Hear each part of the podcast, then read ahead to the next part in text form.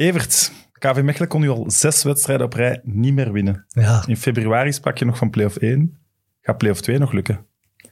ehm, als play-off 3 nog bestond, dan was dat iets voor ons geweest. Dus gelukkig bestaat dat niet meer. Mit Mit, de voetbalpodcast van Friends of Sports. Nu ook op PlaySports. Welkom bij Mid, de voetbalpodcast van Friends of Sports en Play Sports. Welkom ook aan onze special guest. Eh, hij is de broer van Ivan Heijlen, werd bekend als reporter in Man met Hond. En hij is al op gepensioengerechtigde leeftijd, maar komt deze week toch met een nieuw programma. Welkom Martijn Heijlen. Dank u wel. Ik ben blij dat ik hier eens ben. Voilà. Ja? Sinds we op Play Sports zijn, hebben we eigenlijk alleen nog maar voetballers en ex-voetballers Ja, te gast ja, gehad. ja. Voelt je de druk om een uur over voetbal te praten? Ik voel, ja, een grote druk, inderdaad. Ja, vooral omdat ik weet op welk niveau jullie over voetbal praten. ik, ben- Eh 1C. ja, maar goed, ja, mijn toogniveau is, eh, is ook 1C. Oké, nee, op toogniveau scoren we wel hoog. Ah ja, wel, kijk, daar heb je het al. Maar jongens, wie zegt dat er altijd moet gewonnen worden? Dat is waar. Laten we het eens anders benaderen, voetbal. Voor mij is dat toch ook een bron van plezier.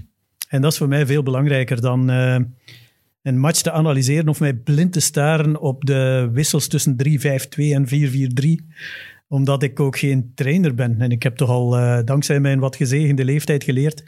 Als je kunt praten over de dingen waar je iets van kent, is dat niet alleen voor jezelf beter, maar nog veel meer voor de mensen die er moeten naar luisteren. Voilà. Dus de gegenpressing van Alexander Blessin, dat gaat dan nu voorbij. Eh, de droogkuis is dat? Of wat is dat precies? Ja.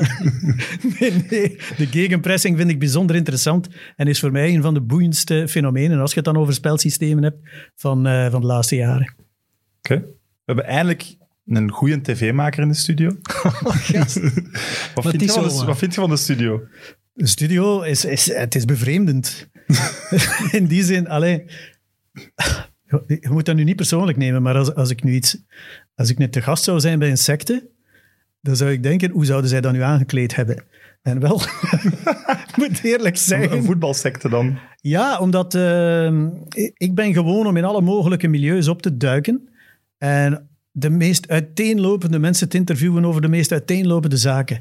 En uiteindelijk is dat hier heel, heel niche. Het is, het is een grote niche, het is een, een van mijn lievelingsniches, dat is niet. Maar je ziet alleen maar voetbal, voetbal, voetbal, voetbal, voetbal, voetbal. Dat heb je in een sect ook, hè? Ja, klopt. Ja. Een aangename secte om te vertoeven. Ah ja, ja, ja, ja. Ik zeg ook niet dat elke secte slecht is. Nee, nee, dat is waar. Ik denk dat er hele leuke ik sectes zeggen. zijn. Vriendelijke sectes. Ik denk dat iedereen bij ons ook Sam als een soort secteleider bekijkt. Is dat zo, Ik ja? denk dat wel, ja. Dat weet ik niet. Een goeroe. ja. De secteleider heeft, ja, heeft het meeste geld, maar de volgelingen hebben het meeste plezier. Hè. Dat wordt altijd Plezier heb ik er niet veel, dat is waar. Zeg jij, zeg jij wat nerveus, Evert? Nu je zo uw idool misschien in de Ja, maar ik, ik moet... e- Nee, maar echt, ik ben wel heel blij, want inderdaad, Martijn is... Allee, ik mag Martijn zeggen. Ja, tu- ja nee, tuurlijk. Hij zegt goed. Ja, nee, ik heb daar wel iets meer stress voor dan voor een voetballer, omdat als tv-maker heb ik daar een waanzinnig respect voor. Dus ja, het was toch apart. Ik heb me dan ook proberen toch wel nog in zijn geschiedenis te duiken als tv-maker. Dat vond ik ook leuk om daar nog een keer te gaan in grasduinen. En dan zie je wel, verdikke, daar zitten heel straffe programma's bij. Ja. ja, maar je weet ook als tv-maker, het is altijd een ploeg. Hè? Ja, ja, ja. Dus elk programma krijgt de kleur van de ploeg. Hè? Voilà. En dat Ja, dat wordt soms voetbalcliché dat je vergeten, hier bovenhoudt. Ah, nee, nee, nee. nee, Ja, nee. eh, onrechtstreeks wel. Ja, jij zet, Ja. jij zet de spits van uw tv-programma's. hè. Ah ja. Ja, ja, ik mag scoren en ik mag dan uitleggen van, oh ja, kijk, eh, het is in het belang van de ploeg. Nee, het is nog anders, denk ik. Hè? Ehm, nee, het is hetzelfde. Het gaat over, het gaat over groepsdynamiek en, en zo. En, en ehm, Maar jij moet slagen ja. om een ploeg van mensen aan één zeel te laten trekken en hen in hetzelfde te doen geloven, van hetzelfde te doen dromen eerst, en dan in hetzelfde te doen geloven, en er dan nog eens met z'n allen keihard voor te werken. Ik zie geen verschil met de voetbalploeg. Jij Voilà. moet het wel afmaken. Hè? Jij zet het gezicht. Dan valt het een beetje tegen, want ik ben nu niet echt een, eh, eh, op basis van mijn gezicht ehm, de succesvol, mag ik het zo noemen. Wat blijft? Misschien eerder de coach. Van alles. Alles. Bezieler in elk geval. Eh, ik kan enthousiasmeren. Ik kan eh, een ploeg vertrouwen laten hebben in mij. Maar ik kan dat alleen maar als het iets is waar ik zelf ongelooflijk in geloof. Want anders krijg ik dat niet verkocht. Je kunt dat niet faken. Nee, je kunt niet. Je kunt, natuurlijk kun je faken, maar er zijn die dat je zouden voelt kunnen. dat. Zeker als je een lange termijn aan iets werkt. En dat is hetzelfde met een coach. Als een coach een visie heeft en hij gelooft in die visie en hij maakt zich, zich desnoods razend kwaad omdat hij die visie er wil doordrukken. Niet bepaald op iemand door, maar gewoon omdat het niet lukt. Ik heb dat ook dikwijls. Ik maak me niet kwaad op mensen. Ik kan me geweldig kwaad maken over mezelf. Op mezelf. Ik kan me zo'n front zitten dat mensen denken, wat is dat weer met hem? Maar dat is gewoon omdat ik, ik weet dat het er is. Ik weet dat het er is. Ik weet dat we kunnen geraken. En alleen, het lukt om een of andere reden niet dan is het gaat over het systeem dat dan op dat moment niet werkt. Dat zie ik ook bij een coach. En als hij dat dan kan overbrengen en dat lukt dan wel, ah, maar dat is, ja, wat, wat doet het ertoe wie dat dan het gezicht is? Het is vooral voor de media en voor het publiek dat je een gezicht moet zijn, omdat die mensen, je kunt niet heel die ploeg overal mee naartoe sleuren om dat te gaan uitleggen. Nee, klopt. Maar tenzij dat je het zelf begint te geloven, dat je het gezicht bent en dat, je, dat jij het alleen maakt en zo. Want dat, dan, nee, dat, als je mij daarop betrapt, uh, sleur mij hier maar buiten. Wat is uw eerste herinnering aan een voetbalwedstrijd? Um, op laag niveau of op hoog niveau? Op hoog niveau, ik zal, ik zal, laat ons toch maar ergens een niveau proberen halen, is het, uh, mijn broer die mij meenam toen ik nog een jongen was naar um, Berchem Tilleur. Die speelden toen in tweede klasse. En ik denk dat dat, dat, dat, dat al ontspande voor, voor het kampioenschap, dat Berchem kampioen ging worden. En ik weet nog dat mijn broer mij zei, kijk, zie je die grote met die blonde krullen? Dat is Ludo Koek. Die kan enorm hard shotten met zijn linkerbeen. Ja, zo jong was ik nu precies ook niet meer. Ik denk dat ik zelf wel voetbalde. Maar goed, in elk geval, uh, voor mij was dat overweldigend, zo'n groot stadion. Ik ben een jongen uit een dorp die op een voetbalwei altijd gevoetbald heeft. En ik zag Ludo Koek en ik had nog nooit van mijn leven iemand zo goed uh, zien voetballen. Daar hoort je veel bij allee, uw generatie. Want mijn vader ook, die, die praten allemaal vol liefde over, over Ludo Koek. Ik ja. heb die nooit, nooit zien voetballen. Ik weet hoe groot ja. zij is en ik heb er een Belgasport denk ik van gezien. Dat is talent. Maar die maakte toch meteen op iedereen indruk. Ja, talent. Mannen en vrouwen ook. Uh, ja, ja, ja, dat was een mooie jongen. Zo, zo, goed kon ik dat niet inschatten, ook met die snor en zo. Uh, uh, ik vond, het, was, het was toen het, het ideaalbeeld van een mooie man. Maar ik had het vooral, ik vond het vooral fantastisch wat voor een schot dat die jongen had. Ik denk dat hij 16 jaar was of 17 jaar, stond daar in het eerste. Ehm, ik weet dat ze wonnen met 5-0 en dat het laatste doelpunt werd gemaakt door de keeper, door Tony Gozes, als ik me niet bedrieg. Die kwam mee uh, het was een hoekschop, hij kwam mee en hij kopte de bal erin. En dat was voor mij het tweede mirakel dat ik zag die namiddag. dat is wel heel uitzonderlijk dat dat dan toevallig de matches die je herinnert waarin dat er een keeper scoort. Dat gebeurt echt ja, niet vaak. Hè? maar misschien is dat gevoel van ik heb een mirakel gezien. Ja. Uh, wel, de kiem die dan verder openbloeit tot een eeuwige liefde voor die sport. Ook wel mooi dat dat ook wel direct een wedstrijd was met een jonge Ludo Koek. Want inderdaad, zoals gezegd, Ludo Koek is waarschijnlijk een van de meest charismatische Belgische voetballers aller tijden. Hè? Ja, de vorige generatie kan ik niet inschatten. Nee. Ik denk dat Paul van Imst ook. ja, en Rick Koppes. Ja, dat, ja, Rick Koppes dat ook fantasten. Ja. Elke uh, generatie heeft wel zo zijn iconen. Ik, ik vind dat spijtig dat ik een Koek nooit ja, bezig heb kunnen ja? zien. Serieus? Ja. En onze, onze kinderen gaan dan normaal gezien Messi, als die daar iets over willen opzoeken, die kunnen zijn 500 goals aan gemonteerd gemakkelijk vinden. Ja. Dat is in, dat is, daar heb je zo niet over, Ludo Koek. Nee, nee. En, en bij mij was dat Pele. Dat weet ik nog in 1970, denk ik. Uh, het wereldkampioenschap uh, Mexico kwam ik weet niet of het Mexico was, maar ik denk het wel. Uh, waarin Pele, waarover ik al heel veel gehoord had, dan zagen wij die live een omhaal doen en scoren. Wow.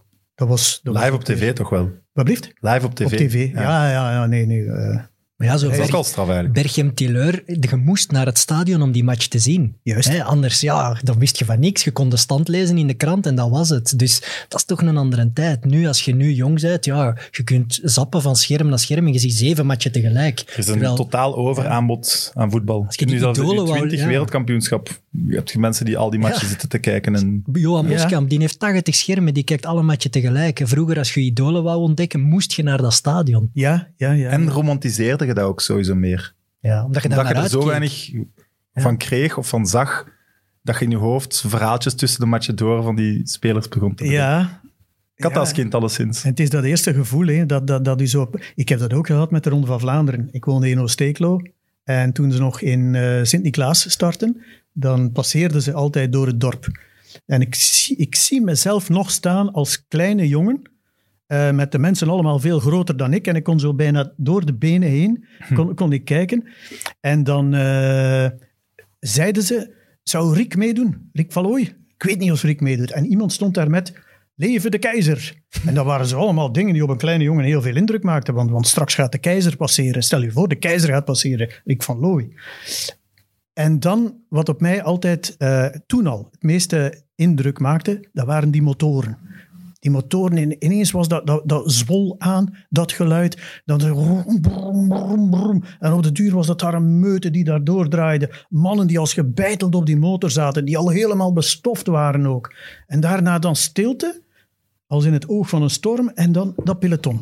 Excuseer, dat peloton, dat, dat, geluid van die wielen, van, van die kettingen, die op dat passeerde. En de keizer, ik heb hem gezien, ik heb hem gezien, ik heb hem gezien. Ik dacht bij mezelf, wonderen bestaan. En ik heb er net één mogen meemaken.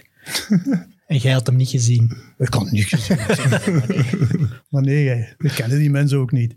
Dat was gewoon omdat er wat jongetjes in de school daar uh, supporter van waren. En uh, Riek 1 en Riek 2 was dat toen. Nee, maar Oosteeklo, dat is toch zo de regio Roger de Vlaming? Ja, ja, ja, ja, ja. Roger was van, uh, was van Eeklo. Roger, Erik, uh, ze, ze, ze, zijn van Eeklo afkomstig. Roger woont nu in Kaprijk. Dat is allemaal vlakbij. En Roger en Erik gingen altijd trainen. In, mag je dat nu vertellen? Maar we zijn toch over voetbal bezig? Maar dat mag allemaal. Ja, oké. Heel kort. Roger heel kon kort ook aan. heel goed voetballen, hè? Roger kon heel goed voetballen. Zeker, zeker. Bij VC Eeklo. FC Eeklo, maar iedereen zei VC daar. Ja, Eeklo is, Eeklo is een beetje raar soms. Nu, uh, ik ben van Oost-Eeklo, dat is iets anders. Uh, Lembeke, uh, daar waren de Lembeekse bossen. En die mannen, ik weet nog altijd, die mannen, die, die, als die opgeroepen werden voor de nationale ploeg van het veldrijden, dan zeiden die altijd, ja, we hebben niet getraind. We hebben tot, tot vanmiddag in ons bed gelegen. Wij gaan s ochtends niet meer trainen hoor. En die kwamen dan naar de groepstraining in de namiddag en die reden die zo wat mee. En allee, dat was het dan. Maar nee, wat er echt gebeurde is dat die s ochtends opstonden om vijf uur. Hun trainer ging uh, lampionnen gaan hangen in dat bos, want dat was onverlicht. Zo'n parcoursken, op en neer, lampionnen. En zij trainden daar een uur tot twee uur vol een bak. En daarna gingen ze naar de groepstraining, deden ze alsof ze net uit hun bed kwamen en uh, trokken ze een mistgordijn op. Ik vind zo'n verhaal en dan in de week na de ronde, heeft zijn plaatsje met met. Ah, dan is het goed. Voilà. Dan hebben we onze tijd niet verspild. Nee. maar je zelf, uh, heb je zelf gevoetbald? Ja, ik mocht niet van, uh, van, van thuis. Ik, uh, ik ben opgegroeid in een café. En uh, ik moest werken in het café. Dus in het weekend moest ik gewoon ja, tappen, vaten uit de kelder halen, dat soort dingen. Dus ik mocht niet voetballen. Ook al niet omdat ik mij misschien zou, mijn, omdat ik mijn been zou breken. En dat ik dan niet meer kon gaan werken. En ook niet werken in het café, want ik deed het allebei. En hoe ik werkte in een fabriek en, en dan in het café. Maar we spreken hier over uh, de periode dat een mens per se wil voetballen, hè, tussen zijn 16 en zijn 20ste. Ja. Dus ik ben beginnen voetballen toen ik 21 was. Dat ik zei, ik ben nu volwassen. Net te laat. Bij, bij FC Matroosje, een, uh, een, uh, een caféploeg. Heel geestig, maar daarna uh, ben ik dan overgestapt naar Eikelvrienden Oost-Eeklo. EV Oost-Eeklo. Klinkt al minder sympathiek. Dat zijn de eikels. Dat heeft toch allemaal aan het verzinnen. Nee. Van matroosje naar de Eikelvrienden. Ja, ja, ja. ja. De Eikelvrienden, allee, die, die eikels staan in het wapenschild van Oost-Eeklo. Er zijn soms ah, okay. misverstanden over. Ja. maar, uh, Welke positie speelde je? Spits. Oké. Okay. Pocket spits. Zie je toch weer de spits, spits. Het gezicht, hè? Hoe het gezicht? Ja, het gezicht van de reeks en de spits van de ploegen. Ah ja, ja, ja. ja, ja. De, de score vond ik echt wel het plezantste dat er bestond. Hoewel, hoewel ik veel fysiek had en, en uh, op middenveld ook wel uit de voeten kon. Maar ik vond, uh, ja, ja, ofwel, uh, ofwel rechts, ofwel spits. Je waart een goede eikel. Wat blieft? Je waart een goede eikel. Een, een, verdediger van de trots van de eikels, ja. dat is mooi. Wesley Sonk uh, is hier ook te gast geweest, ook opgegroeid in een café. Ja, en bij hem was het net, doordat hij als jonge gast uh, zo wat de beste voetballer van, van het dorpje was, dat hij in dat café misschien op een piedestal werd gezet. Dat heb jij dan gemist? Ja, uh, ja, ik denk dat Wesley, ik kan me nu niet vergelijken met Wesley. Maar, Spits, alle twee? Maar spits alle twee, af en toe scoren, dat wel. En, derde provinciale was dat. Maar dat kwam er dan ook bij. Er was nogal wat onderlinge concurrentie van de cafés. En uh, mijn ouders wisten ook, als ik zo wat populair word in de voetbalclub, dan zat ik vooral in het lokaal van, van de voetbalploeg. En dat was niet bij ons. Dat speelde dan ook wel mee. Dat begrijp ik. Dat is, ja, dat is klein. Ik kan, kan, uh, kan wel een boek schrijven over mijn jeugd. Het is, uh, het is gekend dat jij een, een KV Oostende fan bent. Ja. Sinds tien jaar of zo. Ja. Ik, persoonlijk heb ik heel weinig met, met de voetbalclub KV Oostende. Ik weet dat er eh, een aantal meisjes voor de social media werken. En als die dan stoppen, worden die vervangen door nog meisjes. Dus zo is Oostende bij mij gekend. Maar als je mij moet overtuigen waarom Oostende een schoon club is, hoe doe je dat dan? Ja, je hebt het net verteld. Ja, je denk hebt ik. eh, Is dat van de reden? een van de troeven. nee, nee, ehm, ehm, dat, is, eh, dat is wat het is. Maar ehm, waarom ik het een, een mooie ploeg beginnen vinden ben, omdat het, omdat het uniek is. Ik vind wel dat Oostende heeft echt zijn plaats in, in, in de Belgische voetbalcompetitie eh, in eerste klasse, omdat het een kustploeg is en het is de enige kustploeg. Dus er staat vaak een hele venijnige wind, waar veel ploegen zich op eh, verkijken. En dat vind ik tof. Dat zoals Eupen. Ja, Eupen is maar een dorp. Hè. Als je daar naartoe rijdt, laat ons wel wezen. Maar om een of andere reden dat is dat ook ook wel tof. Het is de Oostkantons, dat is een stuk van België. Zoals er ook Waalse ploegen moeten zijn en zo. Ehm, dus ehm, qua locatie... Ja, zo bedoel ik dat nu ook weer. moeten zijn, heb ik gezegd, niet mogen zijn. nee. Maar eh, de locatie dus. En dan vooral, ja, wat mij geweldig aanspreekt, waarom ik ook in Oostende ben gaan wonen, alleen mijn vrouw en ik, dat is, eh, dat is het surrealisme van die, dat daar overal hangt in die stad. Dat is, ja, dat is de stad van Arno, van Kamagurka, Herzelen. Ja, en- dat hebben en jullie wel. Enorm veel bekende Vlamingen die supporter zijn met KV Oostende, die zich ook graag willen linken met KV Oostende. Ja, dat is ja. zo wat hip om supporter te zijn van Oostende, heb ik het gevoel. Ja, Nee? Je hebt dat altijd. Je hebt ook veel successupporters. Hè. Er zijn veel successupporters geweest in, in de eerste glorieperiode met eh Mark Koeken. Maar ehm, er zijn er ook weer veel weggevallen. De harde kern zijn toch wel mensen die een affiniteit hebben daarmee, hoor. Hugo Baul, onder andere, die zelf ook voetbalt. Ehm Sebastian de Walen ook, ja. Maar, maar, maar die mannen hebben wel een hart voor, voor Oostende. Die die ik je nu allemaal noem. Arno bijvoorbeeld. Arno, ik, ik ben goed bevri- bevriend met eh, Arno zijn broer, met Peter. Dat is een fantastische gast. Daardoor zie ik Arno ook wel af en toe. En eh, die kan vertellen, hè. die heeft zelf nog gevoetbald. En hij vertelt dan altijd het verhaal van toen hij, eh, dat hij bij de rust eigenlijk, eindelijk mocht inkomen. Maar dat hij tussendoor, tijdens de rust denk ik, een, eh, een toeter gaan roken was. en dat hij de verkeerde, liep de verkeerde kant op en zo van die dingen. Dus, maar hij is dan ook En wel dan dacht hem dat hij goede voetbal zag. Ja, maar het schijnt dat hij niet slecht voetbalt. Maar Hij trapte wel ja. zijn eigen goal. Die Nuit, die Nuit was toch niet het beste, het beste product om, om de tweede helft mee te beginnen. maar die, die menen dat wel. Allee, ik bedoel, dat zijn zo niet maar eh, gasten die zich daaraan linken. Want uiteindelijk is Oostende ook een troef, vind ik, een familiale club. Een volksclub. Ehm, Oostende heeft veel miserie gekend, omdat de RMT daar kapot gegaan is. Dat was de overzetdienst van, tussen Oostende en Dover. En heel veel Oostendenaren werkten daarin. Ik denk een paar duizend zelfs. Eh, die mensen zijn allemaal hun job kwijtgeraakt. Er zijn er ook bedrijven weggegaan en zo. Oostende heeft echt zwarte sneeuw gezien. Ehm, dat is een stad, dat is een fantastisch mooie stad, waar koninklijke invloeden zijn, met die Venetiaanse gaanderijen enzovoort. Maar het is ook een stad met een zwart randje rond, met een, een donker randje. In die zin dat, eh, dat er daar heel veel mensen aanspoelen. En dat zijn niet alleen artiesten en kunstenaars en, en een of andere verlopen tv-maker, maar ook eh, mensen die het echt niet breed hebben. Er is, er is, eh, in de supporters zie je dat ook, dat er veel mensen zijn die met het weinige geld dat ze hebben dan toch nog vier, eh, vier kaarten kopen voor heel hun gezin. Ja, dat wordt vaak onderschat, hè, maar Oostende Ja. scoort altijd eh, heel hoog in de armoedecijfers. Hè. Bij de steden is Oostende Zo is dat. een van de armste, ook heel ouderdomsarmoede en zo. Dus dat Ja. geeft die stad ook wel iets speciaals, want het blijft wel de koningin der badsteden. Het is, het is prachtig, het is- geeft ook altijd een beetje vakantiegevoel, maar tegelijk heb je inderdaad wel die sociale problemen daar. Ja, je verwoordt het zoals het is. En ehm, het is, er is ook kinderarmoede en zo. Ja, de rijke mensen die naar de zee, in de zee, aan de zee gaan wonen, die gaan eerder knokken Oostuinkerk. Allee, daar hoort je toch vaker dan Oostende. Ja, maar je hebt ook heel dure penthouses in Oostende. Maar doordat het een stad is, heb je er ook volkse wijken. Jazeker, maar het is eigenlijk zo dat Oostende heeft de problematiek van een grootstad, maar is het zelf niet. Ja. In feite zijn er daar, ik denk, 72.000 vaste inwoners. En met de zomer verdrievoudigt dat aantal eh, eh, tot 200.000 mensen die daar dan plots rondhangen en, en, eh, en op vakantie komen. Vind je dat dan leuk als Ja, nieuwe omdat het, omdat het echt is, vind ik het leuk, ja. Ik, eh, ik ben daar gaan wonen om vier verschillende redenen. Eh, omwille van het, eh, de zee. de visserij. Ik ben zelf altijd gaan vissen toen ik jong was. Ik ben in Oostende vaak gaan vissen toen ik jong was. Cultuur. Wij wonen vlakbij de Grote Post. Geweldig cultuurcentrum. En dan het stadsleven. Wij wilden, wilden eigenlijk van het dorp, het donkere dorp in de winter, wilden we naar de stad waar de lichtjes branden, waar altijd de winkels open zijn, waar altijd iets te doen is, waar alles op wandelafstand kan. En dan kreeg ik, en surplus, kreeg ik dan nog als geschenk KV Oostende in de schoot geworpen, waar ik als voetballiefhebber op slag verliefd op werd. Ja, dat had te maken met de opname van God en Klein Pirke. Ja, Met Kamagurka. Klopt juist, dat? juist, juist, juist. Ik maakte toen een portret van Kamagurka. Ik eh, volgde een aantal mensen een jaar. Ik heb zo 17 portretten gemaakt. En ik volgde die allemaal door elkaar, waardoor al die agendas door elkaar liepen. Allee, dat was niet simpel.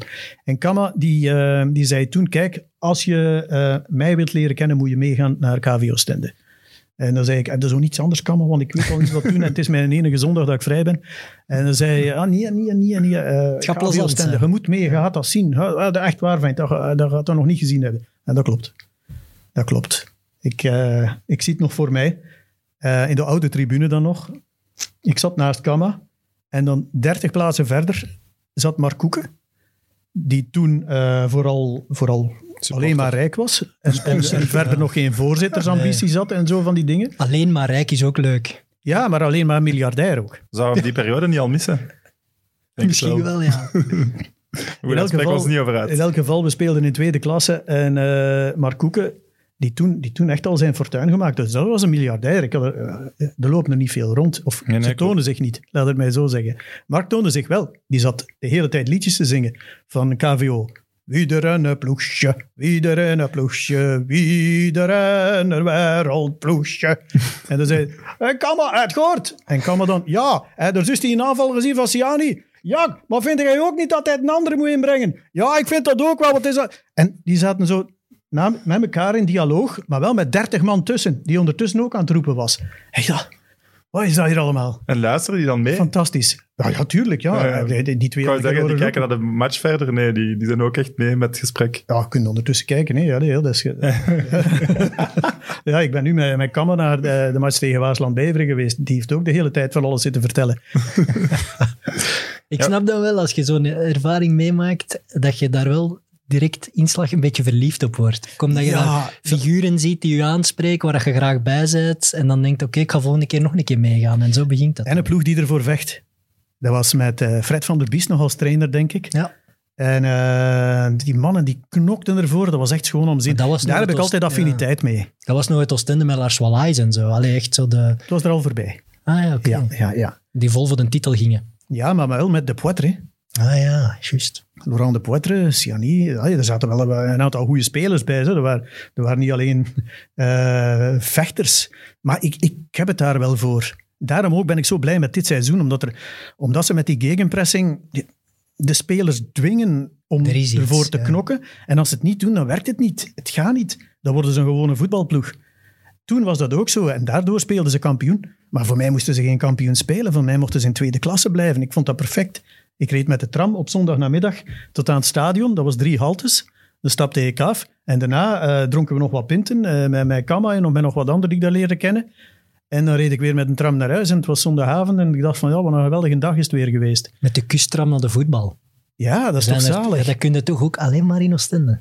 Ja, En aan het Albertpark, wat ik daar ook zo leuk aan vind, als je daar als bezoekende fan komt, je kunt daar een dagje vakantie van maken. Dat maakt zo'n speciale zo. sfeer. Jij vond Ja. dat, je hebt dat daarnet gezegd, je vond het een van de leukste uitmatchen die er zijn. Ik vind dat een van de Allee, leukste jong. verplaatsingen die er is. Pak nu een, een goede Ja, lenten, een crème, een crème Ja. likken en dan de match gaan zien. en een lentendag. Ja, maar zater, Alsof zaterdagavond, dat om nergens anders kan. Zaterdagavond om acht uur, een lentendag. Ja, dan gaat je toch al op de middag naar Oostende als bezoekende fan. Ja, je ja. gaat wat op die dijk flaneren. Je pakt misschien al je zwembroek onder je jeansbroek mee, voor als het echt goed weer is, dat je een knuppelonsje kunt doen. En dan kun je gewoon wandelen van op de dijk naar dat stadion. Ik vind dat, dat, dat heeft iets magisch. Ik weet dat niet. Het heeft een heel leuk gevoel, dat zeegevoel. En naar huis wandelen is ook tof. Hè? Als je in een drang blijven hangen bent en je Ja, bent ja. zo nog drie kilometer, eh, twee kilometer en een half eh, langs de zeedijk, dan eh, ben je ook helemaal fris als je thuis ruikt. Ja, ik wou net zeggen, dan kom je wel nuchter terug thuis aan. Wel zoiets, ja. Ja, ongeveer. Ja, En ja, ja, ja, ja. Wat er in Oostende ook een beetje aan voorbij gegaan is, is zo dat, dat hooliganisme en zo, of zo dat vijandige, dat heb je daar niet, vind ik. ik. Daar is altijd wel een soort, soort van verbroedering met de thuisfans ook. Dat heb je niet op veel plaatsen. Ja, er is wel een klein beetje een harde kern eh, zo, die, die, die zich de laatste jaren zo wel manifesteert, maar dat is nooit uitgegroeid tot, tot eh, hooligans en, en onveiligheid. hè. Je kunt er met je kinderen naartoe. ik herinner mij Koeken, die als voorzitter van Anderlecht daar dan kwam, die toch in de rust moest vertrekken. Ja, oké, maar ja. Nu spreekt hij daar over een ongeziene situatie, wat maar koeken Ah, ja, Ja. ah, Ik ja. wou gewoon eens iets slechts zeggen ook, na deze propaganda. Ja, ja, ja, maar propaganda, it will be. Wees gerust. Maar, maar, eh, maar nee, nee, maar dat was, eh, dat was, dat was, een, eh, dat was toen een ruzie ook met Frank Dierkes, denk ik. Dat was dat moment toch, hè? ik, ik weet het fijn nog niet van. Ik weet dat hij moest moeten vertrekken. En het ironische is dat dat eigenlijk zijn eigen tribune was. Want hij verhuurt die. Nog altijd, hè. Of verhuurde. Nog altijd, hè? Ja, Ja, voilà. ja, dus ja, hij verhuurt ja. die en hij moest dan vertrekken omdat hij niet meer op zijn eigen tribune veilig kon zitten. Oeh, Daar dat is me kort door de bocht, denk ik. Ik ben een, paar jaar Ja. geleden is Dus geweest. Hij is beetje- wel vertrokken, hè? Dat is een beetje Ja. opgeklopt, wat je nu zegt. ja, dat- ik ben daar zeker ook zijn, geweest maar- op die match en ik ben ook goeiedag gaan zeggen tegen Mark. En, en, en dan tegen Frank ook. Eh, zij zaten op... Zij zaten twee tafels van elkaar verwijderd. En het was tot een conflict... het was tot een woordenwisseling gekomen, omdat Frank... ehm, ik denk een uur voordien live in het journaal... Ja, dat was het, ehm, ja. Ah ja. cijfers had bloot uit eh, vrijgegeven over hoeveel het ons kostte, hoeveel er aan eh, Mark Koeken nog moest betaald worden. Mark was daardoor geweldig opgewonden en, en kwaad, omdat hij vond dat dat niet in de pers moest gevoerd worden. En zo begon die bal te rollen. Maar om nu te Dus het zeggen, was, niet, het was niet een onveilig gevoel als in dat hem slaag ging krijgen. Maar nee. Hij Het was daar eerder zijn ego die voor- een deuk had gekregen. Ja, en ik denk dat zo'n oh, steward ja. van zo'n club al gauw ingrijpen. Van, Mark, het is misschien ontworden. be- beter Nee, nee, helemaal niet. Nee, zoals je zegt, er zijn genoeg stewards en zo. En, en, en de mensen van Oostende zijn, zijn geen mensen die hem zouden molesteren. Wel heel kwaad op zijn om, om, om de slechte situatie die er uiteindelijk was, was gebleven. Dat wel. Maar nee, nee, nee. Ik weet nog, eh, ik denk dat hij in de kleedkamer gaan kijken is naar eh, het vervolg van de match. En dat hij er maar verdwenen is, omdat dan... Denk, zo heb ik het horen zeggen, dat... eh, dat ja, tijdens de rust de spelers daar kwamen en dan moest Mark naar buiten. En dan wou hij eigenlijk niet meer in de tribune gaan zitten, omdat er net die, die, die ruzie geweest was. En is hij vertrokken en is hij, is hij ja, weggereden. Maar dat was. Denk, nee. We moeten geen schrik hebben in Oostende, echt. Oké. Ook hij niet. Je bent aan, het- je bent aan het pieteren, hè, Sam? Ja, maar dat mag. Ja, geen enkel probleem. Want Dus, eh, het, zo is het fake news dan tot bij mij gekomen en zo herinner ik het mij. Dus ik werp het hier op en het, Ja. wordt, het wordt volledig ontkracht. Ik leg me daarbij neer. Ja, maar ik, maar het is... Ja. Het was een scheet in een fles. Nee, maar wat, ja, dat, dat, verhaal van, dat verhaal van Koeken bij Oostende, dat, dat blijft een, ja, wel een zeer interessant feit in de recente Belgische voetbalgeschiedenis. hè, Die transfer van Oostende naar Anderlecht. Maar ik weet nog, in het, de gloriemomenten van Oostende ben ik daar eens uitgenodigd geweest, door Piet en Boer trouwens, eh, om daar ook in die grote feestzaal de match mee te beleven. Alleen na de match dan en zo. En Mark Koeken en Orlands, die kropen daar op dat podium, die zongen alle twee een slager. Alleen dat was on... Ik had dat nog nooit gezien in de voetballerij. Hoe... Nee, maar daardoor hadden zij ook heel veel vips voor het percentage supporters. Wat een Dat werkte wel dynamiek, goed, wat een dynamiek Ja. dat er was. Maar ja, eh, pas op, wat Evert net vertelde klopt ook. Hè. Eh, er zijn, het zijn niet alleen maar supporters van Oostende. Je hebt ook veel mensen die een tweede verblijf hebben in Oostende, of die een weekendje boeken, eh, die dan een match meepikken van KV Oostende. Dus daar komt dan het arrangement bij. Ja, je kunt daar blijven eten. Maar na de wedstrijd komt dan wat men noemt de derde helft. En die derde helft loopt dan uit tot s'nachts 11, 2, 2 uur.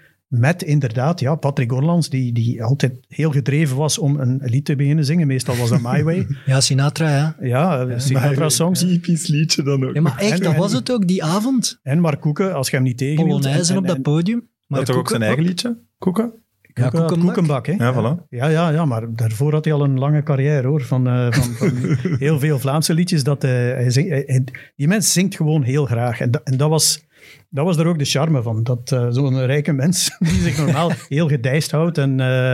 ehm, en, ja, probeer niet te veel in de openbaarheid te komen. Ja, die, die sprong op dat podium en hij dreigde er elke keer mee om, om die micro te pakken en te beginnen zingen. Terwijl hij niet echt toonvast is. Als je mij begrijpt. Maar wel heel, heel, heel graag de ambiance dan opzweept. En binnen de kortste keren waren ze dan de Polonaise aan het dansen en zo. Ik, da- ik dans daar niet altijd in mee en zo, maar ik, ik zie dat wel graag. Ik zie graag mensen die zich amuseren. Je hebt daar ook zo een, een tweede verdiep in die VIP-zaal. Ja, En daar staat dan echt zo iedereen die niet durft te dansen, zo te, zo te, te koekeloeren. ja dat is waar. Naar mensen die zo toch wat moves boven haalden. Dat is En vaak was Koeken daar dan bij. En waar zat jij dan? Het eerste of tweede verdiep? Ja, Nu gaat ben- hem moeten toegeven dat hem op tweede nee zat te koekeloeren. ik ben wel een danser, maar Piet, Piet een Boer niet. Dus ik moest daar bovenbij. Ik Piet en Boer is goed. Ja. Heel goed. Maar het liefst van al loop ik er in die zaal daar eh, eens rond. Ga goeiedag zeggen tegen een aantal mensen, omdat je daar heel veel interessante mensen ontmoet. Die, die, alleen, elk zit zo in zijn eigen bedrijf, in zijn eigen business. Eh, dus ik vind dat geestig om daar eens even te lopen, maar ook niet te lang. Ik ga ook heel graag dan naar beneden bij Schaf. Dat is ook legendarisch, de Schaf zijn café. En daar zitten dan Ah, de... was het. Nu We zijn we. hadden een vraag over binnengekregen, hoe hard je dat bier bij Schaf dan mist. En wij zijn aan het opzoeken, we dachten dat dat een merk was en we vonden dat maar Ah, niet. nee, nee, nee. Schaf is... Schaf is, is, is- ja, die... die eh, In het stadion dan... de graskeeper en, en nog een aantal andere dingen. Eh, Hij verzorgt de grasmat. Het is razend als je er ook maar één voet op zet in de week. Eh Schaf is een imposante figuur, hoor. En hij houdt ook het café ook. open, waar, waar, eh, waar het minstens even plezant is qua sfeer en qua drankverbruik. Maar waar alleen de echte, echte vips binnen mogen. Nee, nee, de supporters. alleen gewone supporters. Gewoon volk. Ja, de echte Oostendenaars, die vinden daar. En dat is ook heel plezant. Dat kan ik me voorstellen. Ja, Dat is, terug- en die als- weten veel. Die, die, weten, die weten vaak meer dan de journalisten. De beste stuurlui of... Ah, echt weetjes. Nee, nee, nee. Die lopen daar heel de dag rond, die Zo'n weten alles. voetbalclub, dat, dat is Ja. een zeef. hè. Ja. Dat is een zeef. Ja, die spelers van Oostende, die, die hebben ook een familie. hè. Die hebben ook een vriendenkring. Ik zeg niet dat zij van alles vertellen over de club. Ik wil niet dat ze het mij aanwrijven. Maar allee, elke voetbalclub, elke journalist weet dat toch. Overal, overal zijn bronnen en lekken en van alles en nog wat. En supporters, die vertellen maar voor. Die gaan naar de trainingen gaan kijken. Die vangen daar ook van alles op. Dus ik doe niks liever dan bij die mannen en een keer gaan luisteren. En Ja. de- die bij Schaf, is dat in het stadion? Ja, ja, ja, ja, ja dat is eh, in de kelder, echt. Daar moet ik eens naartoe. Ja, Upstairs, nee, downstairs. dat mag. Ik zei het al in de intro, deze week eh, start uw nieuw programma. De Ja. Kustboys. Ja, Zes afleveringen over KV Oostende. juist. Wat mogen de kijkers verwachten? Een inkijk. Een, eh, een programma dat gemaakt is eh, voor, voor elke, elke rechtgeaarde voetballiefhebber. Zo zou ik het omschrijven. Oké. Want eh, voor de supporters van Oostende gaat dat geweldig zijn, dat weet ik. Die mensen hebben een, jaar niet naar het stadion kunnen komen en die gaan toch kunnen zien wat er daar allemaal gebeurd is. Niet alleen wat er zichtbaar is, maar wat er meestal niet zichtbaar is. Mhm. Want we gaan ook, en vooral, achter de schermen. Dat vroeg ik me af. Hebben jullie dan van dat oefencomplex een soort van Big Brother huis gemaakt? Zijn de vol met camera's hangen? Of Nee. zijn dat momenten dat jullie gingen filmen? Momenten. Oké. momenten. Eh, de- het oefencomplex niet alleen hoor, maar ook de kleedkamer. Eh, de kleedkamer, ze hebben ook nog aan de dugout gehangen. We, we staan ook aan de rand van het veld te filmen en onze eigen beelden te maken. Eh, bij spelers thuis ook. Heb je dan echt alles kunnen filmen of dingen gemist? We kregen, eh, allee, dat was de voorwaarde vooraleer wij eraan begonnen. Ehm, je, moet, je moet zo zien, ik als Oostende supporter, ik, ehm, het kan voor mij niet positief genoeg zijn allemaal, wat er over Oostende gezegd wordt. Dat is zo, dat, zo, zo is dat als je supporter bent.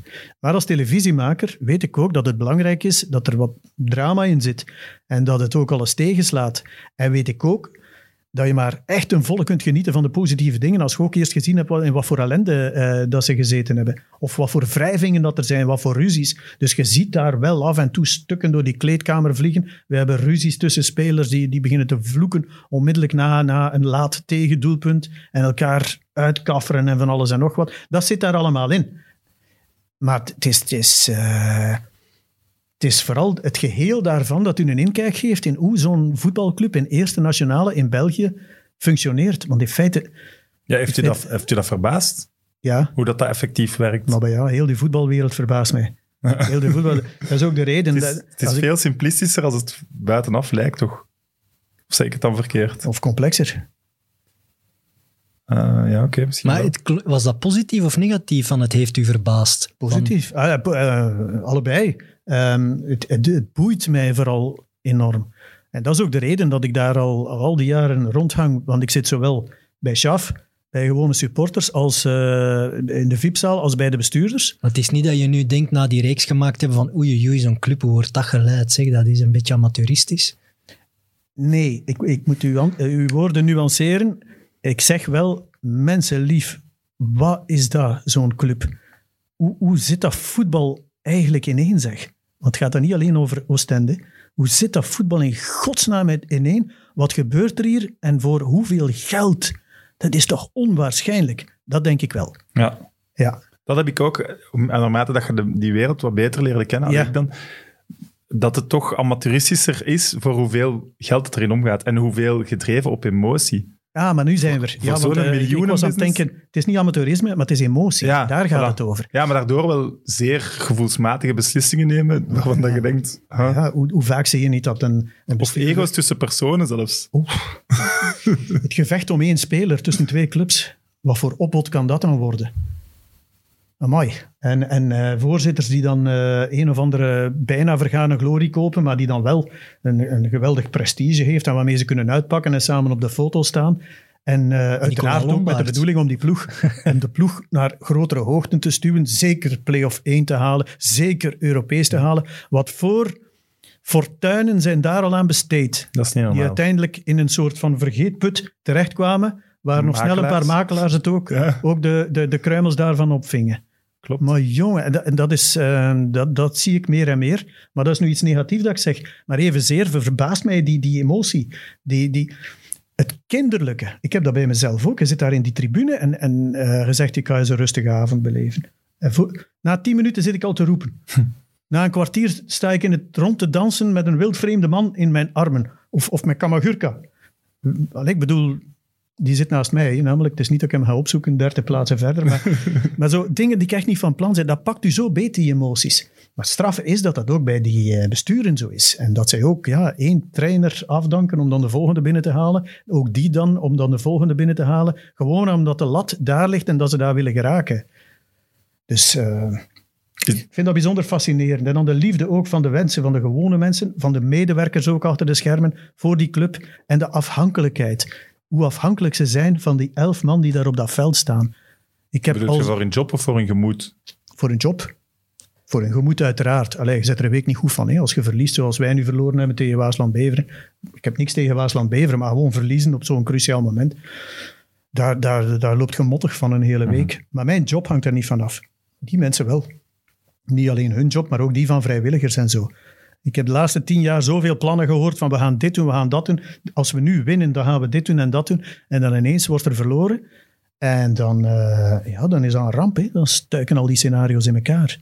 Maar Oostende was ook heel interessant dit jaar, omdat er net zo'n grote transitie was bij die club. Hè. Eh, Eind vorig voetbalseizoen was dat daar nog grote paniek van, gaat die club wel verder gaan en in welke hoedanigheid? En, en dat maakt het nu, die reeks, wel interessant, omdat eigenlijk de start is van iets helemaal nieuw. Ja, en dat was ook, eh, dat was ook een, een argument om die reeks te maken. Want er wa- was goesting bij Oostende, er was goesting bij Woestijnvis. Er was, eh, Maar van, van waar kwam de initiële vraag? dat, Was ik denk de van Oostende, die, die eh, op basis van Sunderland Till I Die, eh, een andere, een, een, een goede, een goede reeks over Sunderland, twee reeksen zijn ervan gemaakt, die zei, zou zoiets ook mogelijk zijn.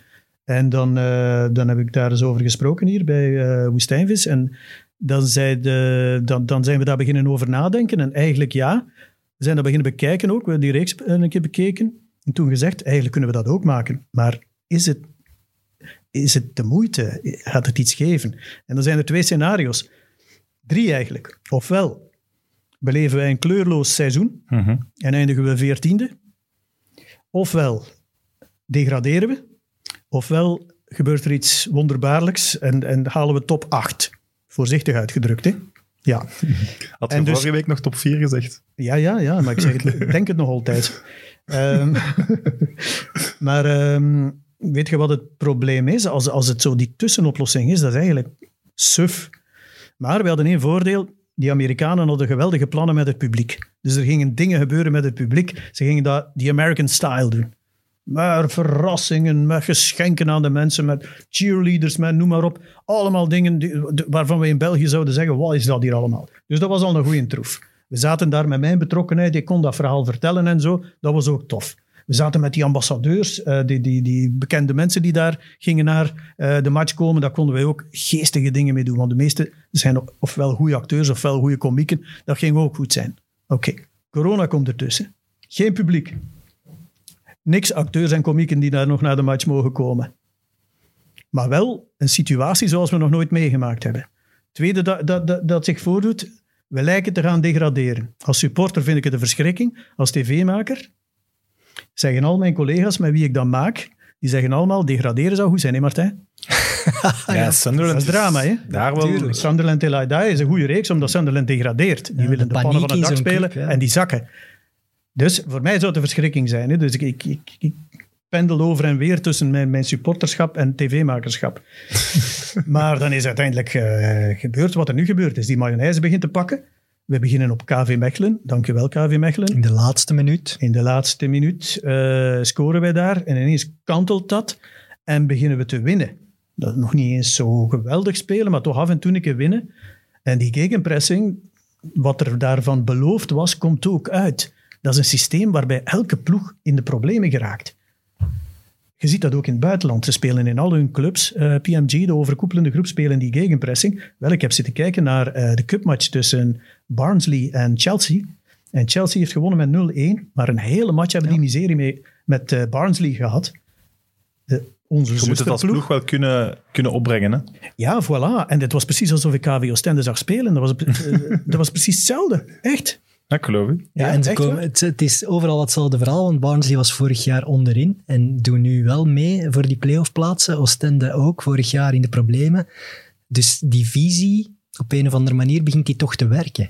Ze Maar- begint te werken en gaat die, gaat die eindeloos blijven werken? Dat weet ik niet. Maar op dit moment werkt ze. En ik denk als iedereen zo speelt, moet je weer iets anders gaan verzinnen. Lijkt mij. Dat, ik, ik zou het wel eens willen zien. Ik heb nog geen twee is- ploegen tegen elkaar. Zo, ik, zie- ik merk wel dat ploegen die nu tegen ons spelen. Ik heb dat ook gezien bij Be- eh, Waasland-Beveren. En, en dat was goed gespeeld. Hè. Ik heb er nog een paar andere gezien ook. Dat die heel veel in één tijd spelen. Zo snel mogelijk. En dan een laterale pas Ja, de andere kant van het veld. ja. En dan, allee. Zo snel mogelijk onder die druk uit en dan komt de ruimte natuurlijk. maar voilà, dat moet je voilà. kunnen. Hè. Maar, maar als elk van de spelers doet wat hem opgedragen is door coach Blessin, onze Duitse coach, dan, eh, dan is het moeilijk om er onderuit te geraken. Dan is het echt, zoals hij het omschrijft, een roedel wolven dat zijn prooi aanvalt. En ik, al de beste verdedigers bij, eh, van andere ploegen in de war zien geraken omdat ze plots van alle kanten komen toegeschoten. Dus het lijkt simpel, oké, geef meteen de pas en ga er naar hinderen, maar het is niet zo simpel Nee, nee. omdat er ook op andere, op andere plaatsen eh, druk wordt gezet. Wat ik Ja. ook heel straf vind over die, die reeks dan, is dat die Amerikanen nemen dat over, allee, die Pacific Media Group neemt dat over, dat die, dat, dat die zich openstellen om meteen achter de schermen te mogen komen meekijken, dat die niet zoiets hebben van we gaan onze geheimen een beetje bewaren en we zullen wel zien hoe dat, dat loopt en we gaan hier geen pottenkijkers toe- ook natuurlijk. toelaten. Nee, zij doen het omgekeerd. Ze zeggen, ja, kom maar kijken en met hun datascouting, hoe dat we die club gaan herorga- herorganiseren. Allee, ze, ze stellen alles open, hun bedrijfsgeheimen. Ja, ja niet allemaal hoor. Eh, er zijn ook, eh, ook dingen die we niet kunnen tonen. Dat is bijvoorbeeld als ze nu achter een aantal spelers aanzitten of een aantal spelers al in gedachten hebben, dan kunnen wij dat niet tonen in de reeks. Dat kan niet. En dat lijkt mij verstandig. maar eh, het datasysteem zelf, ja kijk, elke analist kan de beelden opvragen van de verschillende ploegen. FC Thun, Nancy nu, Esbjerg eh, binnenkort ook. En allemaal met elkaar vergelijken. En een beetje trainer zal dan wel zijn eh, conclusies daaruit trekken, zeker. Dus allee, waarom zou dat niet jij- mogen geweten zijn? Heb jij persoonlijk met die Conway bijvoorbeeld moeten praten om die te overtuigen om dat toe te laten? Nee. Nee. Ah, nee, want de vraag wordt eigenlijk vanuit hun meer gesteld. Ja, maar niet vanuit Conway. Eh, wel eh, Torsten Thijs. Hij is eh, COO, CFO. Ik ben al geweldige fan van de stukjes dat ik op social media gezien heb over hem. Torsten is een flamboyante, entertainende figuur, alleszins. Ja, een hele dankbare mens. eh, oh, Hij vergelijkt KW Oostende met een hoer, omdat ze de zonnepanelen op hun stadion blijkbaar niet zoveel aan verdienen. En de hoer dit en de pooier dat. En ineens gaat zijn gsm. Schatje, zo'n goed stuk.